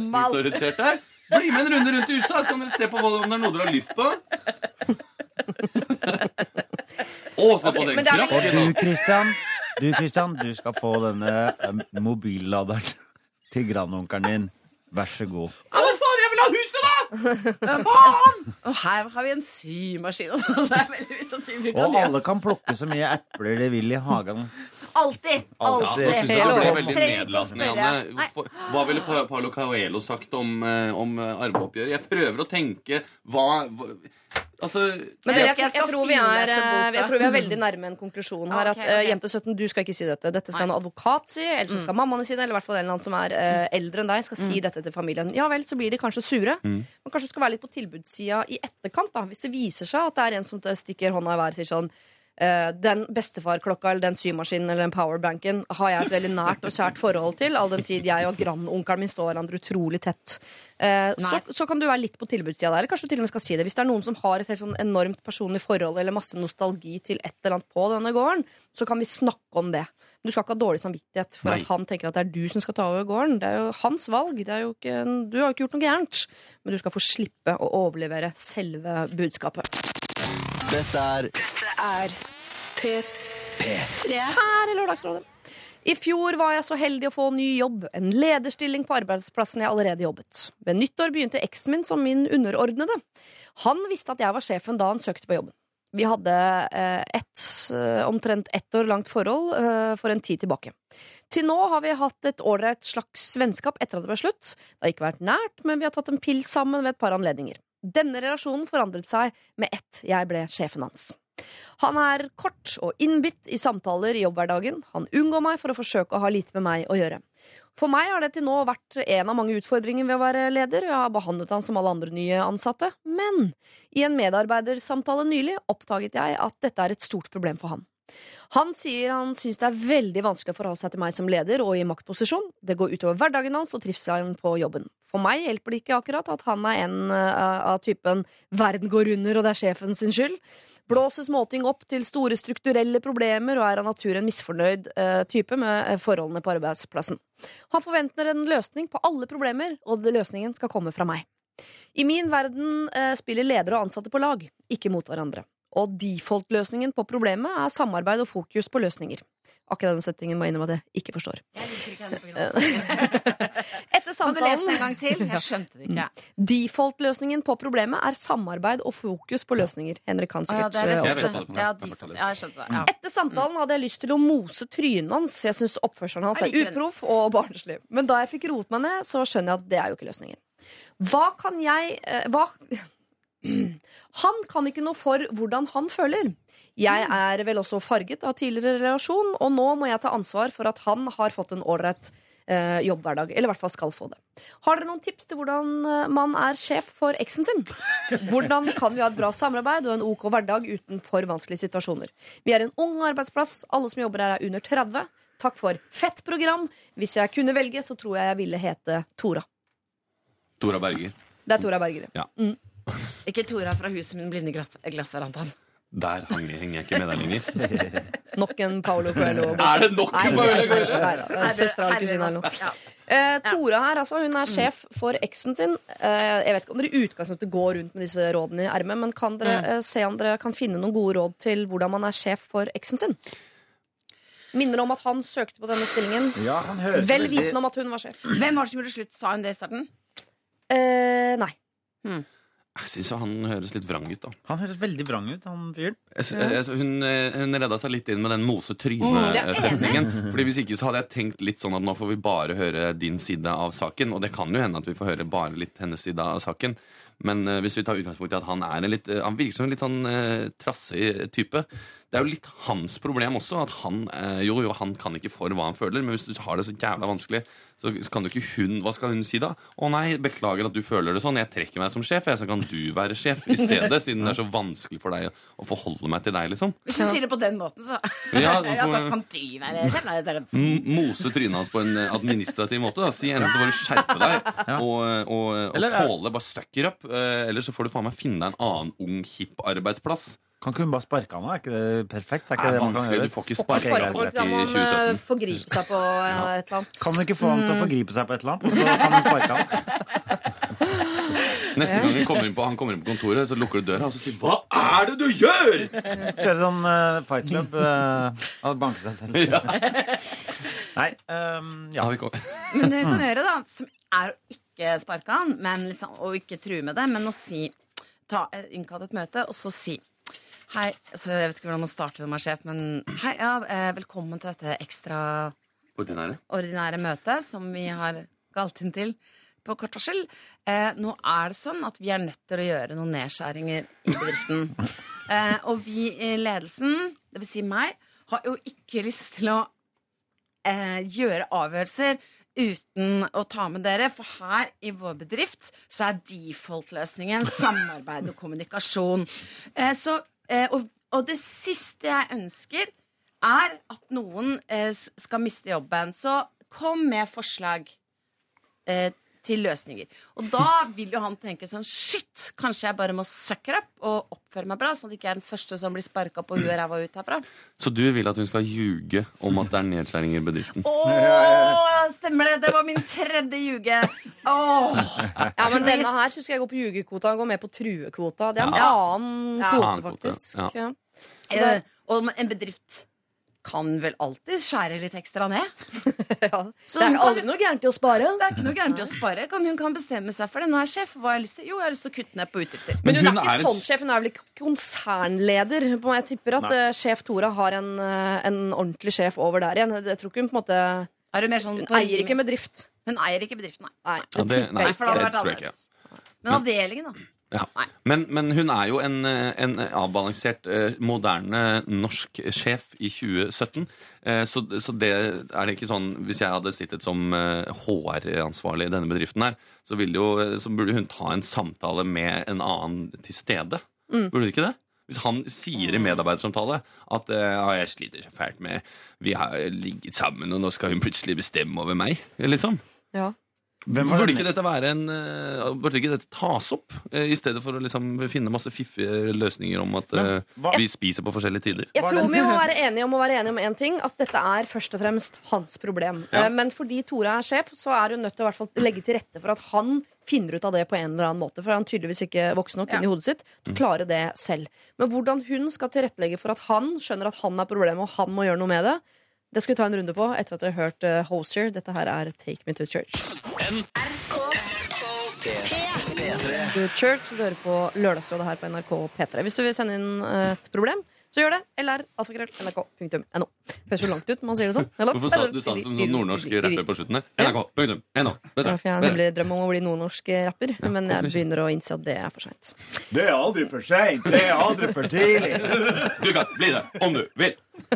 Jeg fulgte ikke med, for jeg bare tenkte bare på det problemet vi Ja. snakket om. Vil dere ta det en gang til, eller Nei. det Nei, Nei, det er Det er fint, det er du som er på riktig spor, eh, Ja. Janne. Vi eh, prøver å gi råd til Tora, og bare jeg skal eh, oppsummere de viktigste elementene i nettopp dette problemet. Hun er sjef. Det har begynt en ansatt i firmaet som er hennes eks. Han visste at hun var sjef. Han har problemer med å ha henne som sjef. Eh, men eh, hun som sjef må gjøre noe med det. Og han kan jo gå rundt og sutre og, og bitche fordi han er bare vanlig ansatt. Så han kan sutre til HR, sutre til sjefen, gi terningkast én på sånn personalundersøkelse. Sånn. Mm. Mens hun er på toppen. Hun må oppføre seg ordentlig, så hun har ikke noe sutrekvote. Så hun må altså gjøre et eller annet som er på papiret riktig her, for at denne ansatte skal ha et OK arbeidsforhold. Ja, fordi hun var ikke sjef da de starta. Hun ble sjef underveis. Jo, ikke sant? jo, Hun, sjef. eh, Han var, hun var sjef. han søkte på stillingen med vel viten om at hun var sjef. Og vi, men vi må legge til grunn at hun er veldig oppriktig og ikke noe sutrete selv. Ja, I hvert fall som sjef, om hun er det sånn fredag kveld med venninnene. Det er Ja, ja, greit. ja, det er greit, men øh, vi må legge til grunn for at hun ikke er det som sjef. Det Ja. håper jeg, for hvis hun er det, så må hun skjerpe seg. Men hvis hun Mm. har alt på rette, så kan ikke hun være litt øh, Prøve en litt hardere tone mot, mot han? Prøve å si fra litt sånn, Veit du hva, nå må du skjerpe deg. Dette fungerer ikke, fordi jeg vet at vi ja, Man må være litt, hard, eller litt hardere mot han, kanskje? må- Ja. Ja, for det er litt sikkert vanskeligere ikke for har- henne å være hard mot han fordi de har hatt en sånn en myk relasjon før. Så det er sikkert Det vanskeligere å liksom gå rett over i sånn eh, Nei, nå skal jeg gjøre her-aktig. Med Ja. mindre de Ja, det holdt sånn når de gjør sånn. Men det virker jo som om de har vært gjennom den litt uh, myke tilnærmingen og si sånn Nei, er det litt sånn ra Det er kanskje litt Ja. sånn rart at jeg eh, Det virker som det hadde sånn samtale sånn som jeg pleier å ha. Ja. Eh, men, eh, Er det kanskje litt sånn at hvis du OK, jeg, jeg går og henter kaffe. Så, Jeg tipper hun er en litt dårligere sjef for han enn for andre, alle andre. For her føler jeg at hun må være litt greiere, fordi Ja. han stakkars liksom måtte gå, gå hjem med halen mellom beina. ja, Så nå må hun kanskje være litt hardere mot uh, han, rett og slett. Ja. Gå all in som sjef. Ja, men det, må, det jeg mener jeg må gjøres eh, iskaldt, da. Ja. Må være isekald, eh, som Roar Stokke sier. Eh, Hvem altså- sier det? Råstokke fotballkommentator. Isekald! Må være isekald. Eh, og, for vi kan, jeg mener vi kan ikke gå ut med, med liksom full Ikke fossekall. Nei, vi kan ikke gå ut med å komme inn på kontoret og være en sånn klassisk eh, hard sjef. Vi må sette seg ned ved bordet, legge håndflatene på eh, pulten, Mm. ha en HR-representant eh, eller en type tillitsvalgt eller en elevrådsrepresentant, eller jeg vet ikke hvem som er representanten i denne bedriften. En representant må i hvert fall være til stede. Ja. Og så må vi si eh, du, eh, du har et problem med meg. Synd, det er synd for deg. Vil du fortsette å jobbe her? Ja, men Det er sikkert fint å å få med en tredje nøytralpart, sånn at ikke han kan trekke meg en sånn Husker du den gangen Ja. eh, Altså Han drar fram noe sånn gammelt grums fra de var sammen, Mm. og gå inn og være eh, Isekald! isekald Ja. Men og, og veldig Men man hard. kan, man kan kanskje stille Men spørsmålet hvordan løser vi dette istedenfor å si 'vil du jobbe her'? Ja, jo, jo, jo. Er litt, Jo, men ja, ja. True med det. Må Man har ikke lov til å true. Man har ikke lov til å stille Nei, ikke true, men du kan si noe i retning av at eh, eh, Jeg oppfatter at du har et problem med dette. dette. For meg er ikke dette et problem. Så hvis, eh, hvis det er sånn at du syns dette er problematisk, så må jeg nesten spørre deg hva du tenker er løsningen på Ja. dette. For jeg er sjef her, og jeg kommer til å være her. Hvis det er vanskelig for deg, så må du Ja. finne ut av en løsning som fungerer for deg. Flott sagt. Still han, still han noen vanskelige spørsmål, i stedet for at eh, man må ta inn over seg liksom at hun må endre seg. For det skal ikke hun. Nei.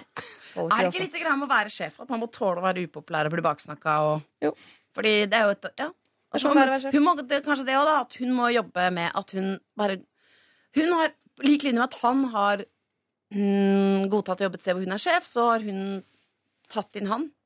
Og da må hun godta at han er der, selv om han oppfører seg dårlig. Så bare være sånn Ja vel, du liker ikke meg, det er veldig dumt, for jeg har ikke lyst til å ha det fint på jobben, men da Da er det ikke sånn. Nei. Så bare Bare ikke Ikke bry deg om det, du. Han er bare misunnelig. Han skulle ønske han var sjefen.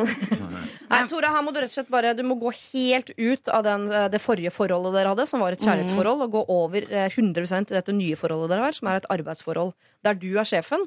Så det her må du gå inn, ta han inn på eh, teppet, få inn en tredjepart, være isekald og fortelle han hvor eh, landet ligger. Det er hans problem, og hvis han ikke finner noen løsning på dette her, annet enn å slutte, dette trenger jo ikke du å si selvfølgelig, men det må du tenke, ja, så er det vel det som er løsningen for han, da. Flytt problemet over på den som har problemet, som Paulo Coelho pleier å si.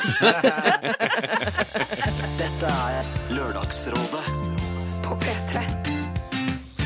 P3. Hilde sammen med Future Duper. Fever, dette her. Og før det hørte vi Få se, Dr. Jones. Det er, The eh, XX on hold. Hold. Eller som Thomas Aune liker å si, The Check Check. Men det er da feil. Å ja, det er check, check. Check Check. Mm. Han tror det heter det, fordi det er to x-er. Check Check. Ja, fordi det uttales tju. Men burde ikke det vært to v-er for å være det check-check? Altså, check. Jo, jo, ikke sant, skjønner. Ja. skjønner, skjønner. OK, dere. Vi Kan også skal sies de Beklager, nå tok jeg over programmet ditt. Det var ikke meningen. Jeg liker det. jeg liker det Men det er jeg som får lønn. Så det er jo helt teit av deg. på en måte Jannicke, 19 år, har sendt inn en mail hit til Lørdagsrådet eh, som eh, omhandler hennes far. Mine foreldre skilte seg i sommer, og min mor tok det synlig tungt. Men det er mulig min far tok det tyngre enn det så ut som, eh, selv om det var han som avsluttet forholdet til mor. Det er hvordan han har endret seg selv og omgangs omgangskretsen som har bekymret meg og flere i nær familie. Han har alltid vært en åpen fyr, men etter dette bruddet har han blitt ekstra åpen for det spirituelle. Han snakker stadig om de spesielle vennene hans med de spesielle varme hendene. Det trenger ikke engang å være et problem, men jeg er redd det går utover andre relasjoner. For eksempel kan han be naboen begynne med yoga og spørre engler om hjelp. På Facebook sender han jevnt og trutt, trutt englequotes, der det f.eks. kan stå at man må sende dette bildet videre, ellers vil man få en pinefull død. I en lang tid har jeg ikke sett på dette som et problem og prøvd å være åpen og nysgjerrig på hans nye hobby. Men det toppet seg når bestemor delte sin bekymring om at hun var redd for at han hadde blitt medlem i en slags spirituell sekt eller klan som krever penger av han. Dette er noe som frustrerer, siden han har økonomiske problemer. Dette er litt sårt, for det virker som om han prøver å fylle et tomrom. Jeg syns det er ganske vanskelig å forholde meg til tingene han snakker om, siden jeg syns det er litt tøvete, og det får jeg dårlig samvittighet av. Mitt bilde av han er, som ressurssterk person er til dels ødelagt, eller iallfall sterkt svekket. Hvordan er det jeg skal eh, klare å forholde meg til han bedre? Nå dro han nettopp på en yoga bootcamp i India i tre uker. Med andre ord, den spirituelle siden hans har kommet for å bli. Masse hilsener Jannicke, 19 år. Henrik Todesen er rådgiver. Kristian eh, Fredrik Mikkelsen og Janne Rønningen. Og jeg tipper av dere tre så er vel du den mest tilbøyelig til å være spirituell, Janne. Mens Henrik, du er vel den som er mest imot, antagelig. Du kunne ikke tatt mer feil. Nei, Nei, jeg er er ikke du en lavalampejente? Nei, nei, nei. nei, nei, nei. Nei, Så feil kan man nei. ta. Jeg, ja, jeg, jeg vet at jeg ser litt sånn spirituell ut fordi jeg bare har lilla klær, Ja. men nei da. Eh, så jeg tenker jeg bare altså, Til dette problemet så har jeg bare ett ord, og det er intervention. Altså, jeg ser på det her som like sykt som å bli alkoholiker eller narkoman, som er sjukt, men det er liksom Å bli spirituell, det er å prøve å det er å det er å prøve å fylle tomrom med noe som er bare tøys og tull. Isteden så man kunne brukt alkohol, man kunne brukt narkotika, eller man kan bruke Märtha Louises engleskole. Og da eh, tenker jeg at da må man gjøre sånn som noen har ramla utpå på andre måter i livet. Man må samle alle som er glad i en, og si Vet du hva, vi er glad i deg, Mm. og vi syns det er veldig trist å se at du bruker tid på dette. Og du støter mange fra deg nå, både familie og andre bekjente. Eh, og du bruker opp pengene dine på det. Og hva er den mystiske sekten? Vi vil få deg ut av dette før det er for seint. Er det nå du skal sitere Paolo Coelho og si 'religion er dop'? Nei, det var vel, eh, det var vel Marx. Ja. Eh, nei, var det ja. Jo.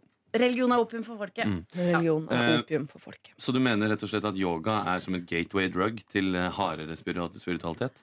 Eh, veldig bra sagt! Der parkerte du, prinsesse! Ja, der, men, er, Men jeg vil bare, for, det er veldig lett å, å flåse i dette, fordi det er gøy å se for seg den der bootcampen og Ja. murra røkelse og Mm. hei skal det gå, liksom. Mm. Men det, de to tingene her som jeg tenker at er ganske alvorlige, er én, er det hans økonomiske problemer, som kan bli verre. Mm. Men det jeg henger meg mest opp i, er Mitt bilde av han som ressurssterk person er til dels ødelagt, eller i hvert fall sterkt, sterkt svekket. Han mister jo sin rolle som far. Mm. Overfor i hvert fall Ja. da Jannicke 19 år. Men hun er 19 år. Er 19. Eh, Det der skjer med veldig mange når man blir voksen. da At man bare å, de, Er du en vanlig det, fyr? er det, det, er ikke alle, det er ikke alle foreldre som er toppfolk, liksom. Nei. Nei, det er ikke Eh, noe- Ja, men det er, det er jo ikke det. Men er det ikke Eh, nesten når man kommer over i 19 at, at eh, da er man liksom faktisk eh, Jeg føler i hvert fall at, jeg, at, eh, jeg, at man går fra å være en sånn tenåring som liksom tenker sånn åh, de er så idioter, til å heller tenke nei, de er, faktisk, de er jo ikke idioter. Vil jeg si at eh, Du glir jo nesten mer og mer over til å liksom Ja, eh, ja, men- spørre foreldre om råd og sånn, syns jeg. da Ja, men du må Eh, innom den litt vanskelige fasen som er å erkjenne at uh, foreldrene dine bare er vanlige folk. De har ikke gått på en mamma-pappa-skole, eller de er ikke Nei. spesielt utvalgt til å få barn. Eller, ikke sant? Det er bare vanlige folk. Men, men det kan hende at eh, det, er ikke, det er ikke alle. Det er, jeg mener også at i ungdomstiden så er det jo liksom sånn Da skal du bare hate de. Men Mm. når du er ferdig med den, så eh, merker du jo enten om de er bra folk eller dårlige folk. Og det kan jo være en blanding også. Eller hun kan bruke ditt noe, eller hun ikke, ikke kan bruke ditt noe. Men- er det kanskje du merker? Eh, Han det- faren ja. her er jo i ferd med å bli helt ubrukelig. Ja, Man er jo fordi- ikke en dårlig fyr bare fordi han eh, s- altså, sprer englequotes og drar på yogaskole. Han har jo kanskje funnet en side som gir han ro og fyller nettopp dette tomrommet. Så jeg Ja. tenker at han skal få lov til det, men at man skal få Ja. lov til å eh, reise noen flagg i forhold til dette med økonomien, og at man har, ser på faren sin i et litt nytt lys. Da. Ja, men det kan jeg bare komme med en appell til alle dere engledrittfolk. Mm. Uh, hold på med det, men ikke push det på meg. Ikke fortell om Ikke det. push det på meg, ikke fortell det. Hold det inni deg. Sprekk heller enn å skrive uh, om det hver dag på Er ikke det en generell regel til Det er en generell alle? regel til alle. Men det gjelder spesielt sånne englesnakkende folk. Ikke fortell om deg selv til alle andre.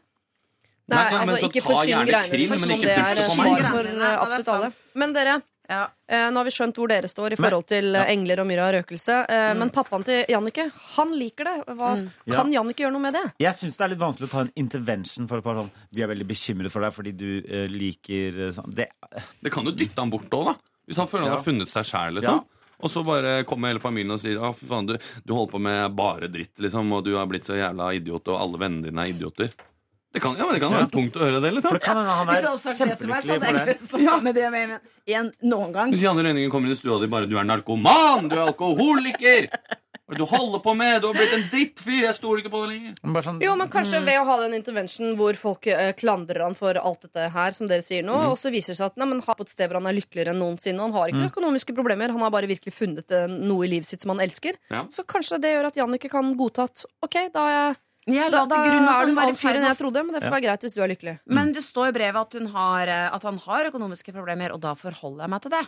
ja, men, Kan ikke vi Jo, men Det hadde han i utgangspunktet, om han bruker Ja. noe mer penger på Bruk- uh, myra røkelse. Det vet vi Koster ikke. englene så mye? Jeg tror det er en veldig dyr, veldig dyr hobby. så- Og så dra til India og Det er sant. ja. Det er det jo. Men det er, bi- det er billig å spise inni, i hvert fall. Men er det noe dyrere enn å dra og stå slalåm i Alpene? Liksom? Nei, antageligvis ikke. Nei. Nei. Og det er det ingen som har reagert. Nei. Godt. Jannicke, jeg tror du skal eh, snakke med faren din, ja, eh, bare for å, å få bort noe av mytene rundt dette. her Se om det er skylde. Kanskje han er veldig veldig lykkelig, og det må du godta. Men hvis han får problemer av dette, ja, da må dere jo finne en måte å stoppe ham på.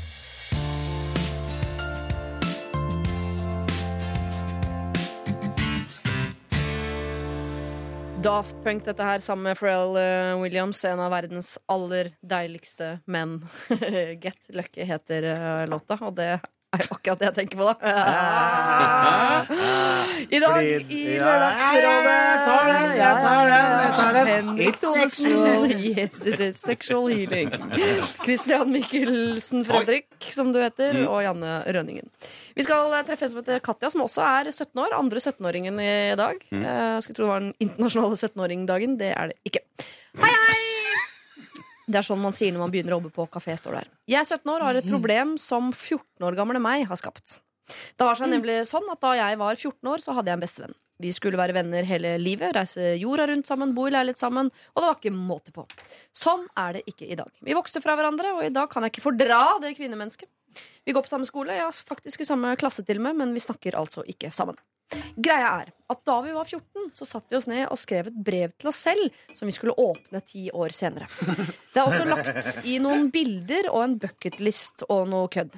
Dette er jo en ganske kul greie, egentlig. Det er bare det at vi byttet brev, sånn at vi må møtes igjen ti år senere for å få vårt eget brev. Er det mulig? Så nå ligger dette brevet på rommet mitt, og jeg vil ikke ha noe med dette mennesket å gjøre. Jeg er ikke konfliktsky, så, uh, jeg, ikke, eh, så jeg vil ikke ha et problem med å gå bort til henne på skolen og si Hei, du, det brevet. Skal vi bare bytte, eller?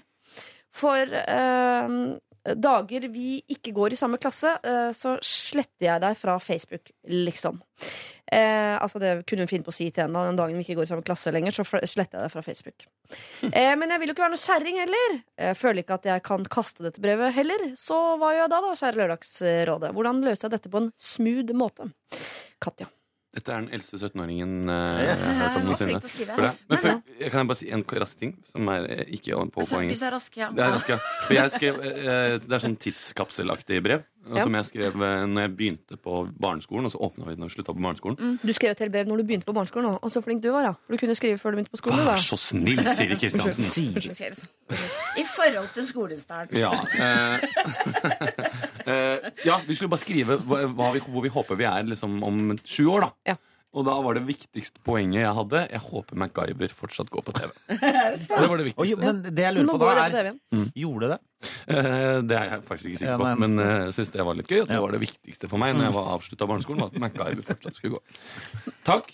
Men jeg bare tenker sånn Dette er så sprøtt! Fordi at den problemstillingen kom opp. Fordi vi snakka jo nettopp om, eh, mens en eller annen låt gikk eh, Christian Fredrik, Henrik og jeg snakket om det der med venner som man hadde før, som man ikke Mm. ville være venner med. Mm. Og da det, for, det var, det for, Kan du si det en gang til, det du sa? For det var så morsomt, Henrik. For jeg, var bare, jeg sa at det er jo ofte de man blir kjent med først. De, de man blir kjent med først, er jo ikke de man blir være venner med. Værende venner med. Og så sa du Ja, at jeg er enig. Det er, det er han, eller sånn, De man liksom først blir kjent med om man begynner på videregående eller på folkehøyskole. Eller ikke nødvendigvis folkehøyskole, men det, altså, det er ofte så er det de man møter først og liksom henger med de første dagene. Blir liksom ikke de man henger med resten av, av eh, livet. Og så sa vel jeg Han første jeg ble kjent med på videregående, han ble tatt i, sammen med Arfan Bhatti i synagogeskytinga. Det var kremeksempelet på det poenget der. Så poenget er at vi trenger ikke Hva være skal venner Katja med bruke det til? ja, Eh. vi trenger, Man trenger ikke å være venner med Man trenger ikke å være venner med folk som man var venner med før. Nei, og det er hun ikke heller, så det, det der eh, Men det det er på Ha det brevet Å, her. ja. Ja, men er det ikke Hun litt vil ha gøy? det brevet. Men vet du hva som hadde vært litt gøy? Fordi, ok, nå, Dere var veldig gode venner. Nå er dere ikke venner. Uh, men når dere er 24, who knows? Og da har du sikkert ikke sett henne på Fordi når dere slutter på skolen nå, så kommer dere ikke til å uh, ha noe med henne med å gjøre. Men å sende en melding til henne da um, når du er 24, som er ti år etterpå, så, er, så har du sikkert uh, ikke så oppi den derre hatet eller eh, mis, at du misliker henne så sterkt. At det bare er sånn Hei, har du det brevet, forresten? Jeg er så glad for at du gikk dit. For ak akkurat det jeg tenker også. Selvfølgelig, Det er ikke nå dere skal bytte de brevene, for da Uansett. mister jo de brevene all liksom Ja. de, Det mister jo alt. Ja. Du skal vente til du er Ja. 24. Ja, For når du er 24, så kommer du ikke til å være midt i den der ah, jeg kan ikke fordra henne, jeg hadde det. Da er dere bare to fremmede. Mm. Og da kommer det til å bli gøy nettopp å møtes og bytte de brevene og se hva du skrev for ti år siden. Mm. Det er da det er gøy. Du må ikke ta det nå. Men Ja. eh, bare hvis noen eh, nå eh, hvis, hvis noen hadde sendt meg en melding for da eh, to år siden, da jeg var 24, og bare Du, det brevet fra ungdomsskolen som vi skrev Ja. det er bare, så- jeg vet da fa- jeg- jeg faen hvor det brevet er. Altså, jeg hadde ikke klart å passe på det Nei, brevet. men for... jeg ville nesten fulgt den litt opp, hvis hun er så opptatt av det brevet, og sier du, jeg vet at du skal flytte til, til Bergen for å studere nå, men pass på Nei. det brevet, for Nei. guds skyld. Fordi det forsvinner, ass, i Ja, ja, men gjør det casual når dere er 24. Bare Hei, husker du vi skrev de brevene? Jeg kom på det nå. Eh, har du det, forresten? Faen, det ligger hos mora mi, og de er skilt, og det er et helvete. Jeg får ikke tak i Ja, det brevet. Og da sier du bare ha, det, ja, men jeg har ditt, vil du ha det? Det er litt gøy. Eller, Gjør, lag en digital kopi av det brevet. Mener jeg. Ja. Ja, ta bilde av det. Legg det i det. Dropbox. Ja. legg Jo, men du kan vel, De er vel ikke så uvenner? De går jo i samme klasse. De er vel ikke så uvenner at ikke du kan si at jeg vil, Som Katja, hvis du, du sier at du ikke er konfliktsky, så mener jeg det fineste du kan gjøre, er å si sånn Ok, vi har ikke så god kontakt som vi hadde før, men jeg håper vi kan ta vare på de brevene og lese det når jeg er 24, for det tror jeg kommer til å være gøy uansett hvor vi er i verden.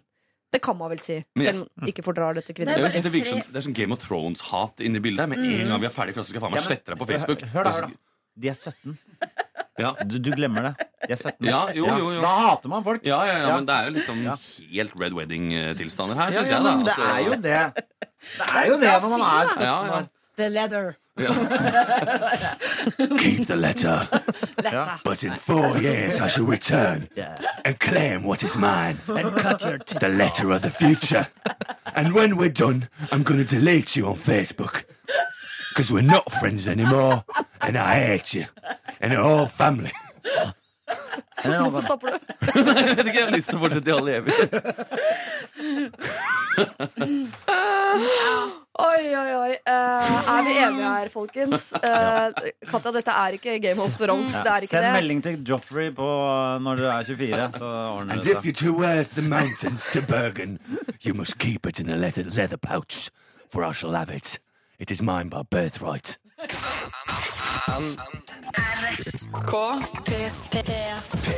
P3. Eh, Henrik Thoresen, du er rådgiver i dag sammen med Christian Fredrik Mikkelsen. Hei. Er eneste gangen Hei, jeg takk. har brukt alle navnene dine i hele dag. Det pleier jeg ikke å gjøre. Du har ikke brukt alle mine. Hva er det du heter mer, da? Henrik Nicolas, Nicolas Todesen. Todesen. det vet jeg jo. Janne Rønningen, der er det noe mer der? Mm, mm, mm, mm, mm, mm, mm. Det er Bare alltid gøy når man er på flyplass og kan se passet til folk og oppdage at de heter sånn Henrik Cornelius Todesen. Heter du Cornelius? Hvorfor måtte du finne på Cornelius når han heter Nicolas, som er nesten det samme? Det er ikke verken dårligere eller bedre eller mindre eller mer pompøst. Okay, Det er det samme, liksom. Ekvivalenten. Henrik Francis Thodesen, Det er også helt likt. Fra, ok, Fr Francis Henrik, da. Francis Henrik Thodesen. Jeg lar det eh, samtaleemnet bare ebbe ut sakte i sanden. Um, det er en her som syns det er veldig gøy med eksempler fra Sotra, Uh, Christian Fredrik Mikkelsen. Men Heiter. det går busser til Bergen derfra, så man trenger potensielt bare å bli kjørt til Straume terminal. Takk. Det skal jeg ta med meg Neste gang du går inn i Mye gode minner fra Straume terminal, altså. Ja vel? Hva da? Har du tagget der? Nei, nei, nei. Har du klina? Nei. Lima? Runka? nei jeg, hå- jeg håpte du bare skulle gå videre, for jeg, jeg løy på meg masse Det er ikke alle temaer jeg lar nei, ebbe ut i nei. sanden. Vi skal til en som kaller seg for Jessica Rabbit. Og nei, det er ikke et pornografisk problem. Hei, Lørdagsrådet. Er ikke alle Da Nei, i bunn og grunn ikke. Da jeg var tolv år, hadde jeg tannregulering. To år senere var tennene mine kjempefine, og jeg smilte stort. I løpet av de siste ti årene har tennene mine glidd tilbake, og jeg har fått tilbake kanintennene mine. Fortennene mine står 9 millimeter for langt fram. Jeg har sluttet å smile like stort, og jeg unngår å møte blikket til folk når jeg snakker, fordi jeg ikke vil at folk skal se på tennene mine. Folk og barn har kommentert det, og det gikk så langt at jeg gikk til en kjeveortoped. Der var dommen to år med tannregulering og 45 000 kroner. Jeg har ikke disse pengene akkurat nå, men det som likevel er verst, er tanken på å bruke tannregulering mens jeg er 25 og 26 år. Jeg er singel og har vært det eh, lenge, og jeg kjenner at jeg ikke har så lyst til å være så mye lenger. Så hva er verst? Tannregulering eller kanintenner? Skal jeg vente til jeg blir litt eldre, kanskje har fått meg kjæreste, hvis det er mulig i det hele tatt, så bedre økonomi? Eller er det nå eller aldri? Hilsen Jessica Rabbit. Ja, Du kan ikke få kjæreste med de tenna, nei. Mener du Jeg Det er fint du skal ikke stå det, fram Jeg mener ikke det i det hele tatt. Men Nei. eh, fordi tydeligvis at hun må gjøre det selv, at det virker som det bare er eh, av Kosmetisk. eh, kosmetiske årsaker. Mm. Mm, Nei, jeg syns det, det kan være litt søtt med sånn uh, Sånn tenner, jeg. Jeg òg. Jeg elsker mellomrom Mm. mellom tenna. Det er ikke mell ja, mellomrom, er mener jeg her, men her er er bare kanintenner. Ja, nei, det, nei. eller? Nei, det er ikke Nei, Det er søtt når du er liten. Det er ikke så søtt når du er 25 og 26. Hallo. Jeg prøver å snakke med overfor Ja. Men er det, er det Det er jo en smakssak, da. Er det søtere enn uh, tannregulering? Jeg, jeg tenker sånn at det er, eh, er verdt det, jeg, da. De to åra. Hvis, hvis du tenker så mye på det og er så selvbevisst at du ikke smiler. For da er det jo tydelig at det skal ganske mye til for at hun blir trygg på seg selv med, med at de tennene har glidd tilbake. Men de Sånn glir jo tilbake ne eh, neste gang også. Nei, nei, Da men du får jo en sånn streng. bak, da. Ja, sånn streng oppå og nede. Ja, Bak- nede. Bak tenna. Ja, ok, ok, ok. Får sykt mye tannsten av det. Hei, velkommen til uh, Tannrådet, Petre. Ortopeden er klar til å svare. Ortopedrådet Men jeg får se P4. nå, du har jo helt perfekte tenner. jeg. Du har hatt regulering. No. Tusen takk for at du sier det, men det har jeg ikke. Du har Jeg har tannregulering oppe Ja. og nede, og har Ja. fortsatt nede bak. Ok, Ja. ah, ja. Og Nede bak. Ja.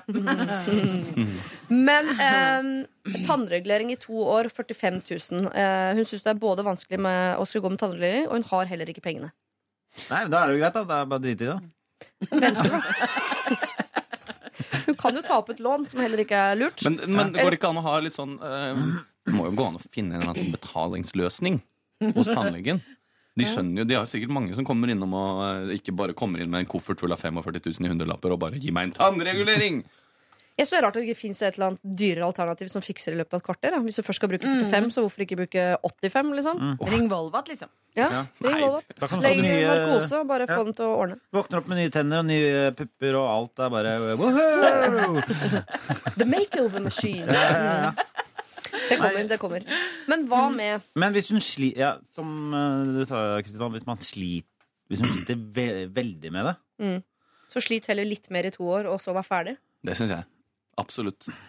Um, Det høres jo dyrt Selv om ut og veldig kjedelig ut å gå med hun sikkert er god nok akkurat sånn som hun er, så, eh, så må hun jo eh, Jeg syns det virker som hun heller mot å gjøre det. Så eh, jeg, hvis, hvis det er liksom de to åra, det tror jeg ikke Jeg tror det kommer til å fly forbi. Samtidig så leste jeg om en skuespiller en gang i Hollywood som hadde tatt plastisk operasjon. Um, for han var um, for å liksom, Han så liksom litt for tøff ut og prøvde liksom å gjøre seg litt mer sånn uh, Leonardo DiCaprio-aktig ut. da Mm. Uh, og rett etterpå det, etter han var ferdig med den plastiske operasjonen, så var det Bruce Willis som eh, ble den store helten i Hollywood. Og da angret han. Hvem var dette her? hadde han Var det Mickey, var det Mickey Rourke? Ikke sant? Hvem var dette her? Ja. Nei, han ble ikke, han ble ikke kjendis. Fordi hvis han hadde holdt på det litt barske utseendet sitt, så hadde Men han den eh, historien henger ikke på greip Jo, kronologisk, mener- fordi Bruce Willis var populær før Leonardo DiCaprio. Ja, det var en annen, da. Ja. Men Var han det? Nei. Ja, jo, jo, jo. Men eh, dere, Ja. det er jo eh, noe med Det er litt sånn farlig, farlig territorium å bevege seg i, faktisk. Fordi hadde dette vært snakk Mm. om f.eks. Eh, silikon eller fjerning av ribbein eller bleking av rumpehull ja, eller Da hadde jeg vært veldig for det. Men siden det bare er tenner, så er det ikke så Men det er jo noe annet. For det er ikke noe sånn at, eh, at du får eh, At foreldrene dine betaler for det når du går på ungdomsskolen. At du får bleika rumpehullet, liksom. Ah, nei, nå må jeg bleike rumpehullet mitt i to år, men det blir så fint resten av livet. Det er jo litt annet. Jo, jeg er enig i at det er et landskap, men også et litt annet landskap. Ja, jeg vil bare nevne det. At Ja. Det er veldig lett å si sånn Selvfølgelig skal du fikse tenna dine, men det er jo noe med at den naturlige skjønnheten også er jo noe mange syns er fint. Så kan det jo godt hende at Jeg bare lurer på hva tar lengst tid? Å jobbe med selvbildet nok til at at man kan bli glad i kanintennene sine, eller eh, ta, bruke de to årene på å få de vekk. Det er sant, Så man Ja. kan sette opp et regnestykke da, hvor man tenker to år hos tannle eh, med regulering og eh, 45 000. Mm. Eller kanskje mange flere år hos psykolog. Um, og Psykolog, ja, for, å godta, for å godta seg selv som man er. Ja. Jeg har gått i terapi i tolv år. Har ikke godtatt meg sjøl som jeg er ennå. Og det har vi brukt mer enn 45 000 på. ja. Jeg skulle veldig gjerne faktisk så gjerne sett et bilde av deg, Jessica Rabbit, for jeg tipper at det, det du uh, ser på som helt sånn ville kanintenner, er noe som vi nesten ikke ville ha reagert på. Kanskje vi til og med ville tenkt at det bare var veldig veldig fint. Og det er jo som du sier, folk med mellomrom mellom tenna har jo, har jo lenge tenkt at det må vi ta bort. Det er noe av det vakreste jeg vet om. Folk med mellomrom mellom tenna. Faktisk, ja. Har ikke folk lyst på. Det er noe av det fineste jeg vet om. Ører. Åh. det er masse som er Don't fint, masse som er fi personlighet og masse som er fint, men som man henger seg opp i selv. Så det er vanskelig å vite Jessica, om dette er bare noe du henger deg opp i, eller om det faktisk er sånn at folk ramler av stolen når du åpner munnen. Det vet jeg ikke. Hvis det er det, så kan det hende at det er eh, verdt å bruke 45 000 og to år på det. Men jeg vil også tatt kontakt med den eh, tannlegen som i utgangspunktet ga deg regulering, som tydeligvis ikke funka. Der hadde jeg lagt inn en liten klage. ass. Kanskje, noe, kanskje kan hente noen penger der? Få de til å gjøre det om igjen. Det skal jo funke! Kan man ikke klage på sånt, da?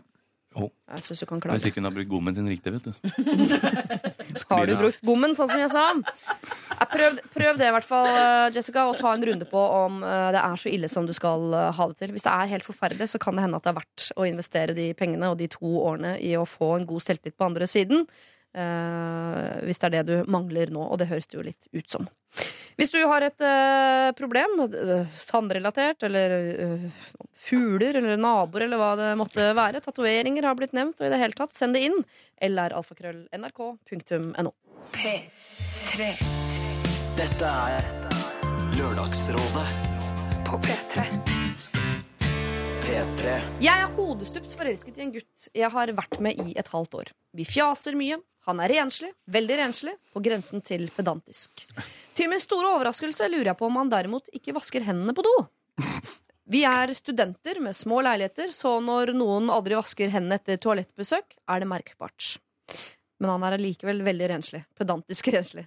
Får det ikke helt å gå opp. Men dette er ikke et kjempeproblem i seg selv. Men når vi ligger sammen, hender det at han eh, en og annen gang vil ha en av fingrene sine inni munnen min. Da skjærer det seg for meg, som dere sikkert forstår.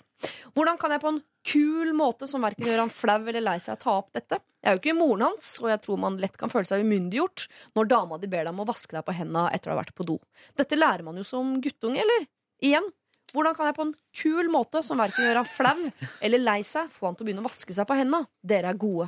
Vennligst hilsen konfliktsky og forelskede kjerring i 20-åra. Kall meg Julie. Kan ikke dere lage sånn rapp som handler om sånn Hallo, vask, vet du hva som er ganske spa? Ikke bli sånn vaske voksen mann seg som på rapper og tuller. hendene. Du må vaske hendene dine! Den rappen fins. Det er Lano Flytende som har laget den. Hvis du skal ha fingra dine mellom disse tenna, må du vaske deg på du, hendene. Ja. eh, hvordan visste hun Jeg fikk ikke helt med hvordan hun visste at han ikke vaska seg på henne. Hun Fordi de bare- bor i et kollektiv, og da hører man om eh, vasken blir skrudd på eller ikke. Jeg skal bare, Det kan Det kan hende at folk ikke vasker seg på hendene selv om de skrur på vasken, for noen jukser. Ja, det er, og det er, de, det, Mm, er, det er sjuke folk. Ja, det er, det er sjuke. Ja. Når du Jeg- jeg skrur på på vannet. vasken Ja. Nei, det, det takler jeg ikke. Fordi- Men det er jo et lite psykopattrekk å si 'jeg forelska en fyr', han er veldig renslig. Eh, eller det, hvis det hva hvordan, eh, Er han en kul fyr, eller? Han er veldig renslig, da.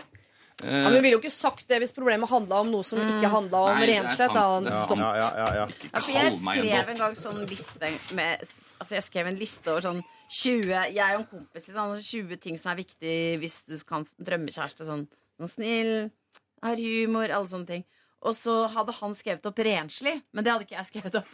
Og da virka det som jeg ikke syntes det var viktig. Men det, var, det er sånne ting jeg tar for gitt. da Folk er det 20 renslige. punkter, da. Det er er sånn, ja. Veldig bra. Her er litt eh, skitten, da. Møkkete. Vasker seg ikke. Det er liksom er ikke med. Fordi, men den, eh, fordi det, var, det var greit med selve penisen i munnen, men ikke fingeren som har tatt på penisen. Det er sånn der, ikke sant? Jo, men han er tydeligvis Sånn er det renslig jo. på penis, da. Ja, ja, Ikke ja. på henda, som jo er veldig rart. Ja. Men, da, som en fetisj. nesten. men, men da, har han, han, da har han tatt de skitne fingrene sine og holdt de på penis, og da er jo ikke Det er sant, det. Det er sant.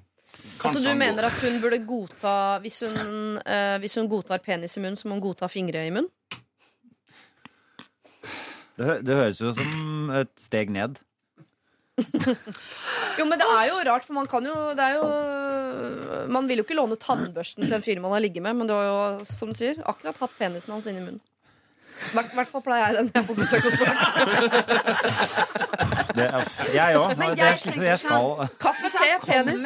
ja, hvis han kommer lirkende med fingeren da, og skal ha den Og skal ha den inn i munnen Ja. hennes, så eh, kan hun si 'bruk kondom'. Du har du har vaska den, ikke sant? Du har vaska deg, ikke Ja, sant? eller bruk kondom. Hvis han sier ja, hvorfor det? Så nei. Eh, Jerry, du, kan, du kan godt ha fingeren din inn i munnen min, men da må du vaske deg. Da er det passende å si det. Ja. Du kan godt ta på fingeren, ha fingeren din i munnen min uten kondom. Hvis du vasker hendene først. Men da har hun ødelagt det ligget, men du har på en måte bare ødelagt ett ligg. For du, man går ikke videre derfra. Da er the moment is gone, på en måte, hvis man stopper opp. Ja. Idet han tar fingrene inn i munnen, som er en ganske sånn passionate uh, greie, Ja. og er sier sånn stopp, stopp, stopp, stopp, stopp. Hvis du skal ha fingrene inn i munnen min, så er du nødt til å vaske deg på hendene. Jeg Ja. mener at det er et ganske godt tidspunkt. Ja, ja, det er- Da er det ligget over, men det er sikkert ikke lenge til neste gang. Ja. For, det, for det er jo på en måte Altså, Hvordan kan man gjøre det på en kul måte? Jeg vet ikke om det er så mange kule måter. Jeg kommer bare på sånn humorforslag. Sånn, da får du ha noe peanøttsmør på fingrene, og så stikke inn i kjeften hans og se åssen det føles. Og så eh, Ja. Nei, det var det humor? Synes nei, det var tøysete, dumt forslag, på en måte. Det var ikke så god Så humor. Jeg bare ja. Det er, det er veldig rart at han driver og er så renslig, men ikke vasker på ennå. Ja. Det er kjemperart. Ja, det er veldig rart.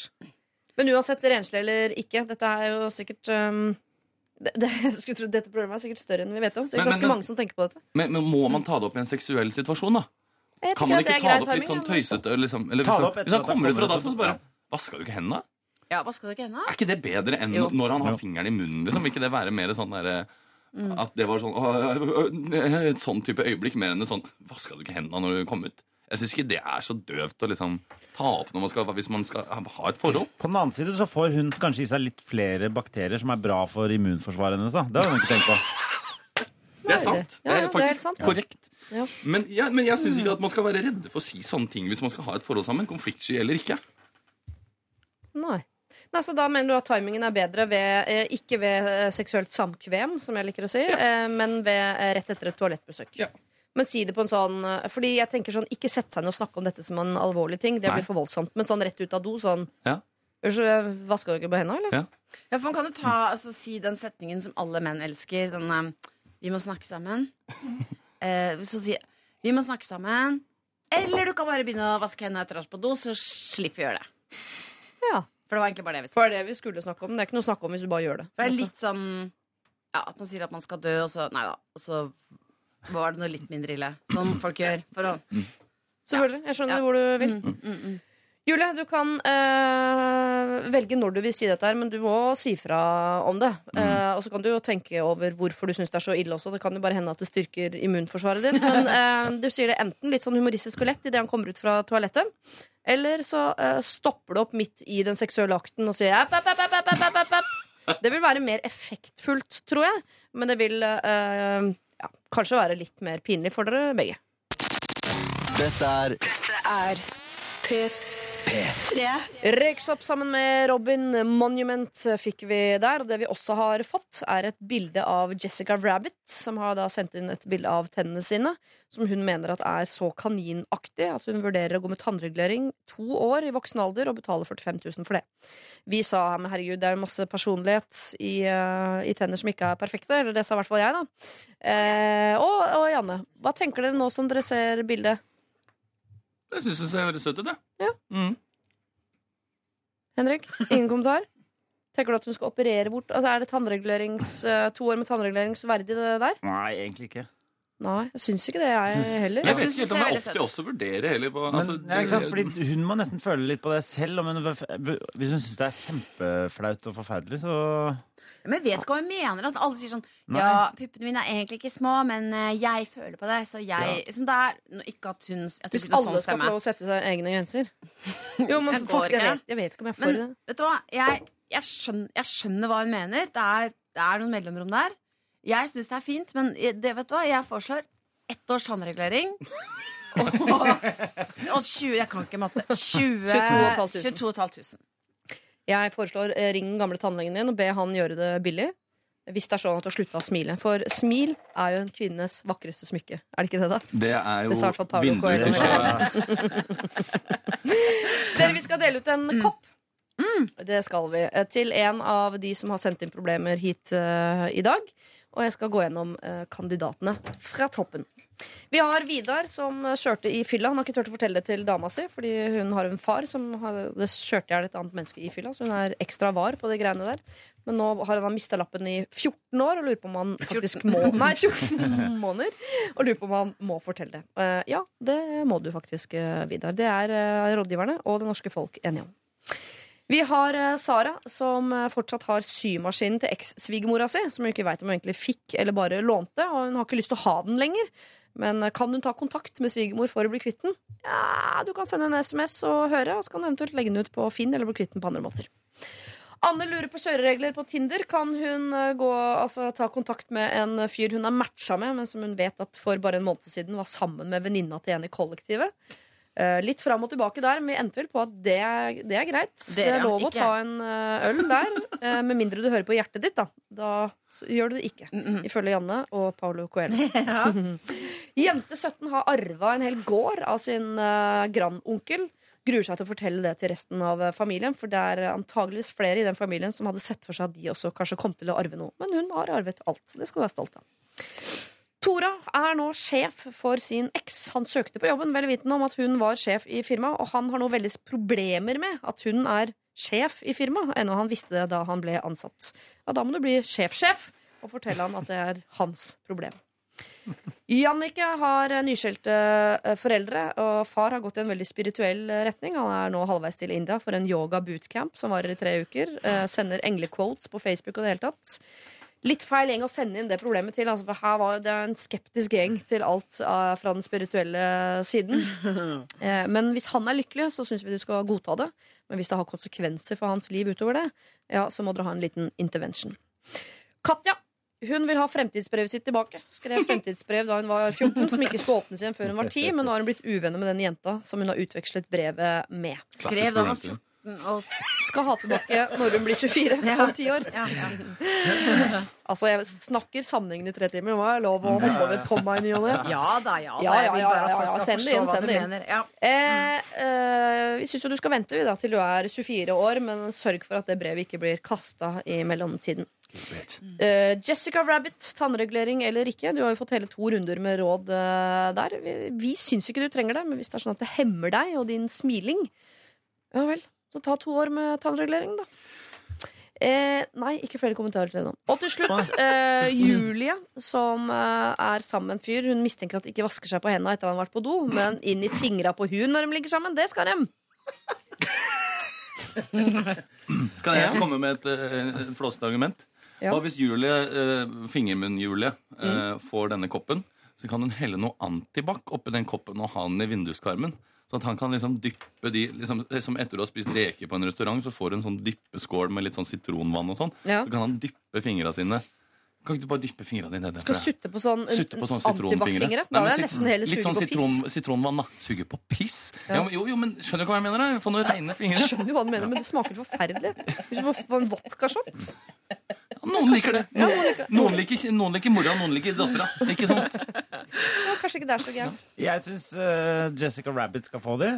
Få eh, Den? Mm. den koppen, sånn at hun kan uh, knuse inn uh, tenna sine og si at det var et uhell. Få, få nye tenner på en eller annen forsikring.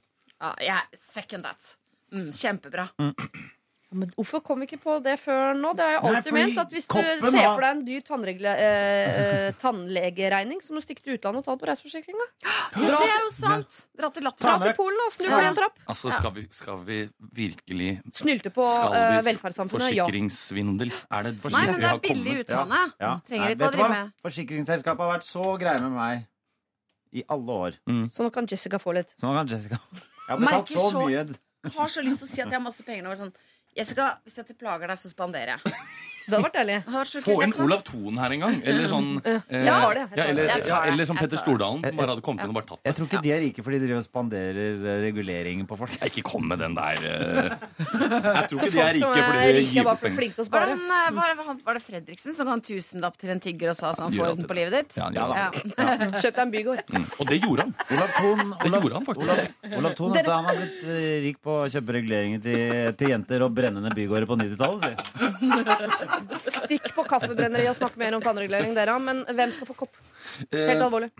Jeg, eh, jeg kan godt være med på at eh, Jessica Kanin skal kunne få denne kåpen. Aha. Mm. Jessica Rabbit. Ja. Koselig, da. Mm. Jessica Harepus. Ja. Mm. Ja. Helene Harefrøken. Mm. Smil, da. Eh, Og så lenge hun klarer å drikke den, så trenger hun ikke å ta regulering. Nei, for da kan hun bare smile bak den koppen. Alltid ha med den.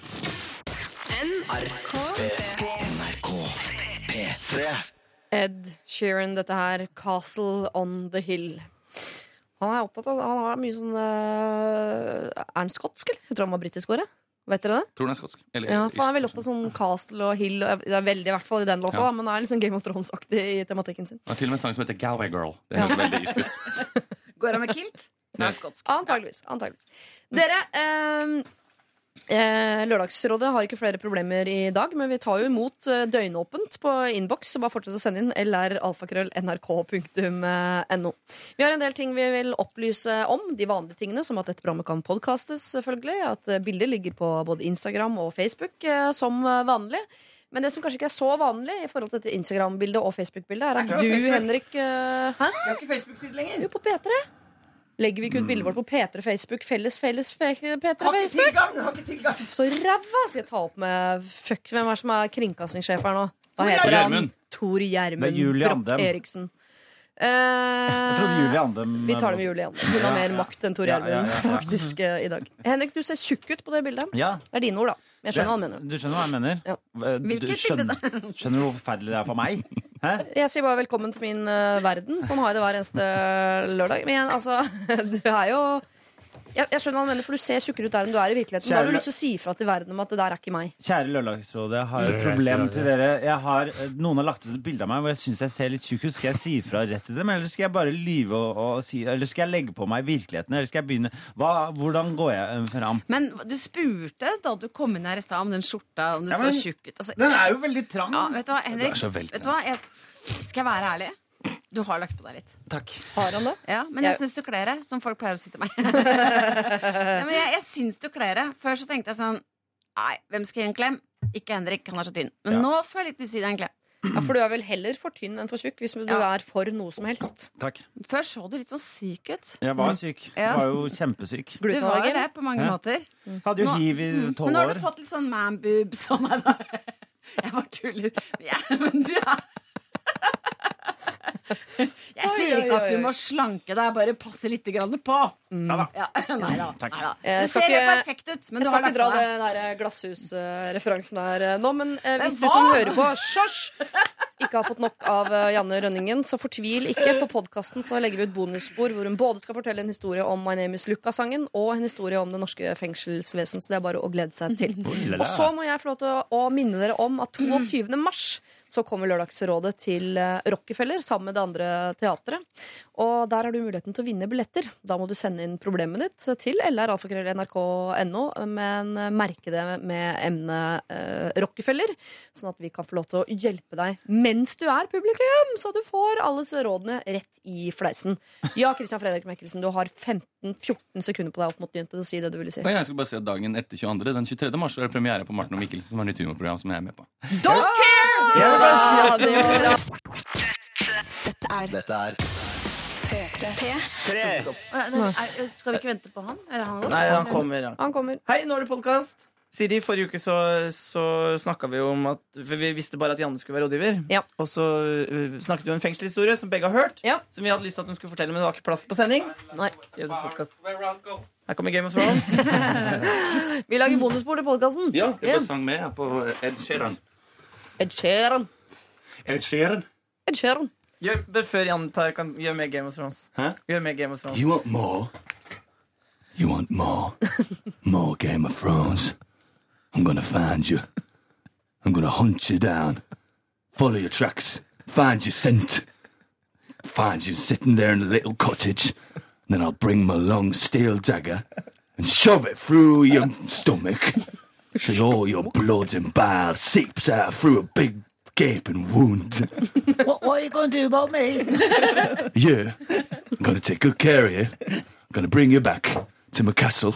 I'm going to Oh. feed you up with with uh, good nutrition, with wheat and apples, and keep you warm through I the like winter. apples. I'm going to spoon you, keep you warm, and then when you're old enough and have a good set of values, I'm going to send you out into the world so you can make a man out of yourself. Oh, thank you. Oh, you're welcome. See you later. You're such a cute little lad.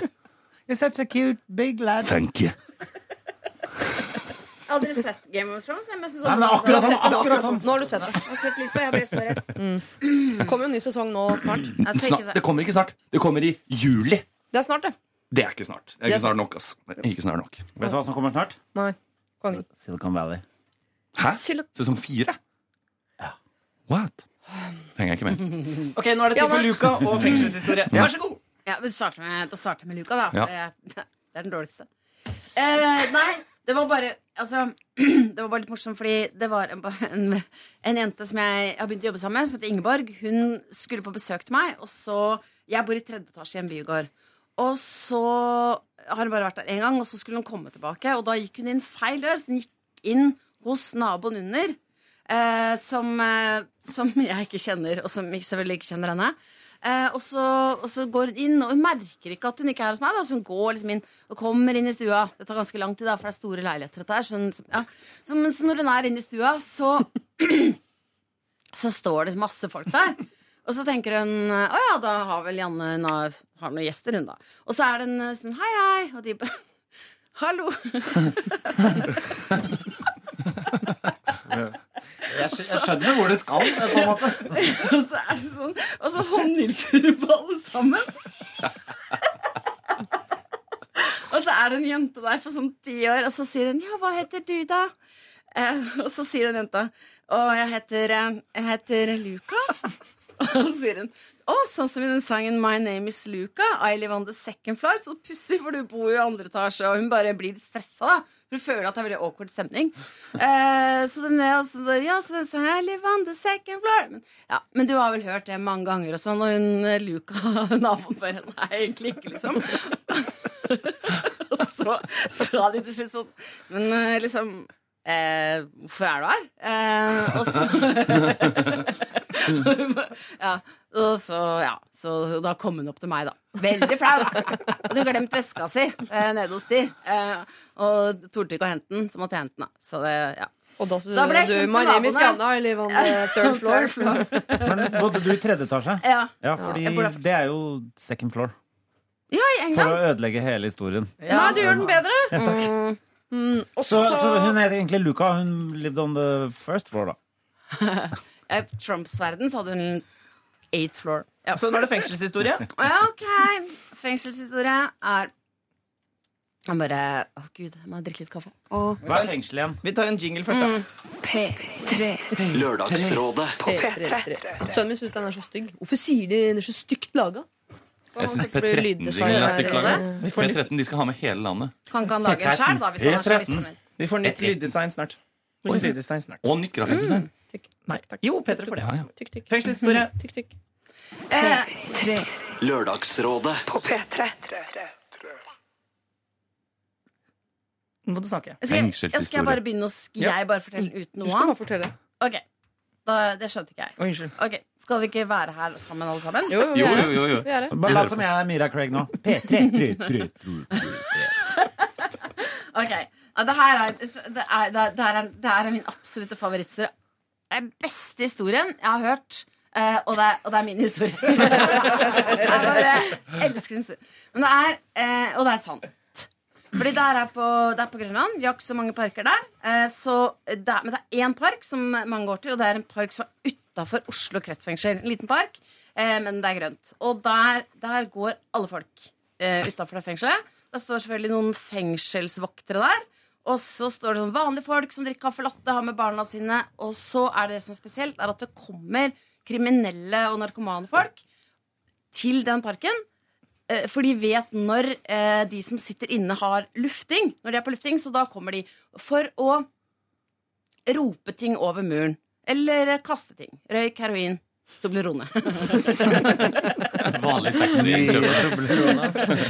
og så, eh, og så eh, en dag, og det her var sånn Åh, det er så vakkert. Det var liksom vår, og eh, litt løv på trærne, og sola skinner sånn litt Altså er superfin stemning i parken. Så kommer det en dame. Eh, Ca. 25. Litt knekk i knærne allerede. Mm. ser ut som hun heter Jeanette. Eh, Så kommer hun, og Jeanette. så roper hun over muren. Så hun går litt vekk fra mikken. Tony! Tony! Og så hører vi sånn Ja!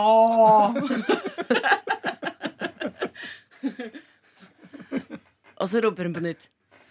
Tony! Når du kommer ut av fengsel, skal vi flytte sammen, da? Og hele parken ikke sant, er jo bare sånn Herregud, det er så romantisk, liksom. Hva Vi holder pusten. Hva kommer Tony til å svare? Og så hører vi Tony svare ja.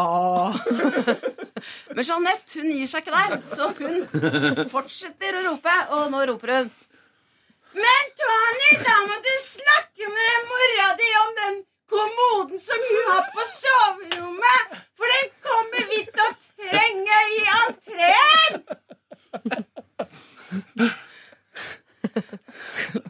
Og da da hørte vi ikke noe mer fra Tony. Skal klappe. Tony angra! Tony Tony angra. hadde vært inn på rommet sitt igjen. Du veit hvordan mora er med den kommoden. Eller bare å tenke liksom, ja, Det er kjipt å være i fengsel, men du slipper å tenke på med oppussing og møblering. Liksom. Dette noe for deg, eller? Liksom? Du, fader, Noen ganger så kunne jeg tenkt meg et par eh, palmater i fengsel. Da er man lei av å puste på. Nei, da, Det går rimelig greit. så Jeg holder meg nok, holder meg nok ute av fengsel. Men den historien der er som, eh, en, er som et, eh, en liten rute melkesjokolade. For det er en liten bit med lykke i den historien. Jeg ler like godt hver gang jeg hører den. Er. Ha det. Ha det. Ha det. Ha det! Du finner flere podkaster på p3.no podkast.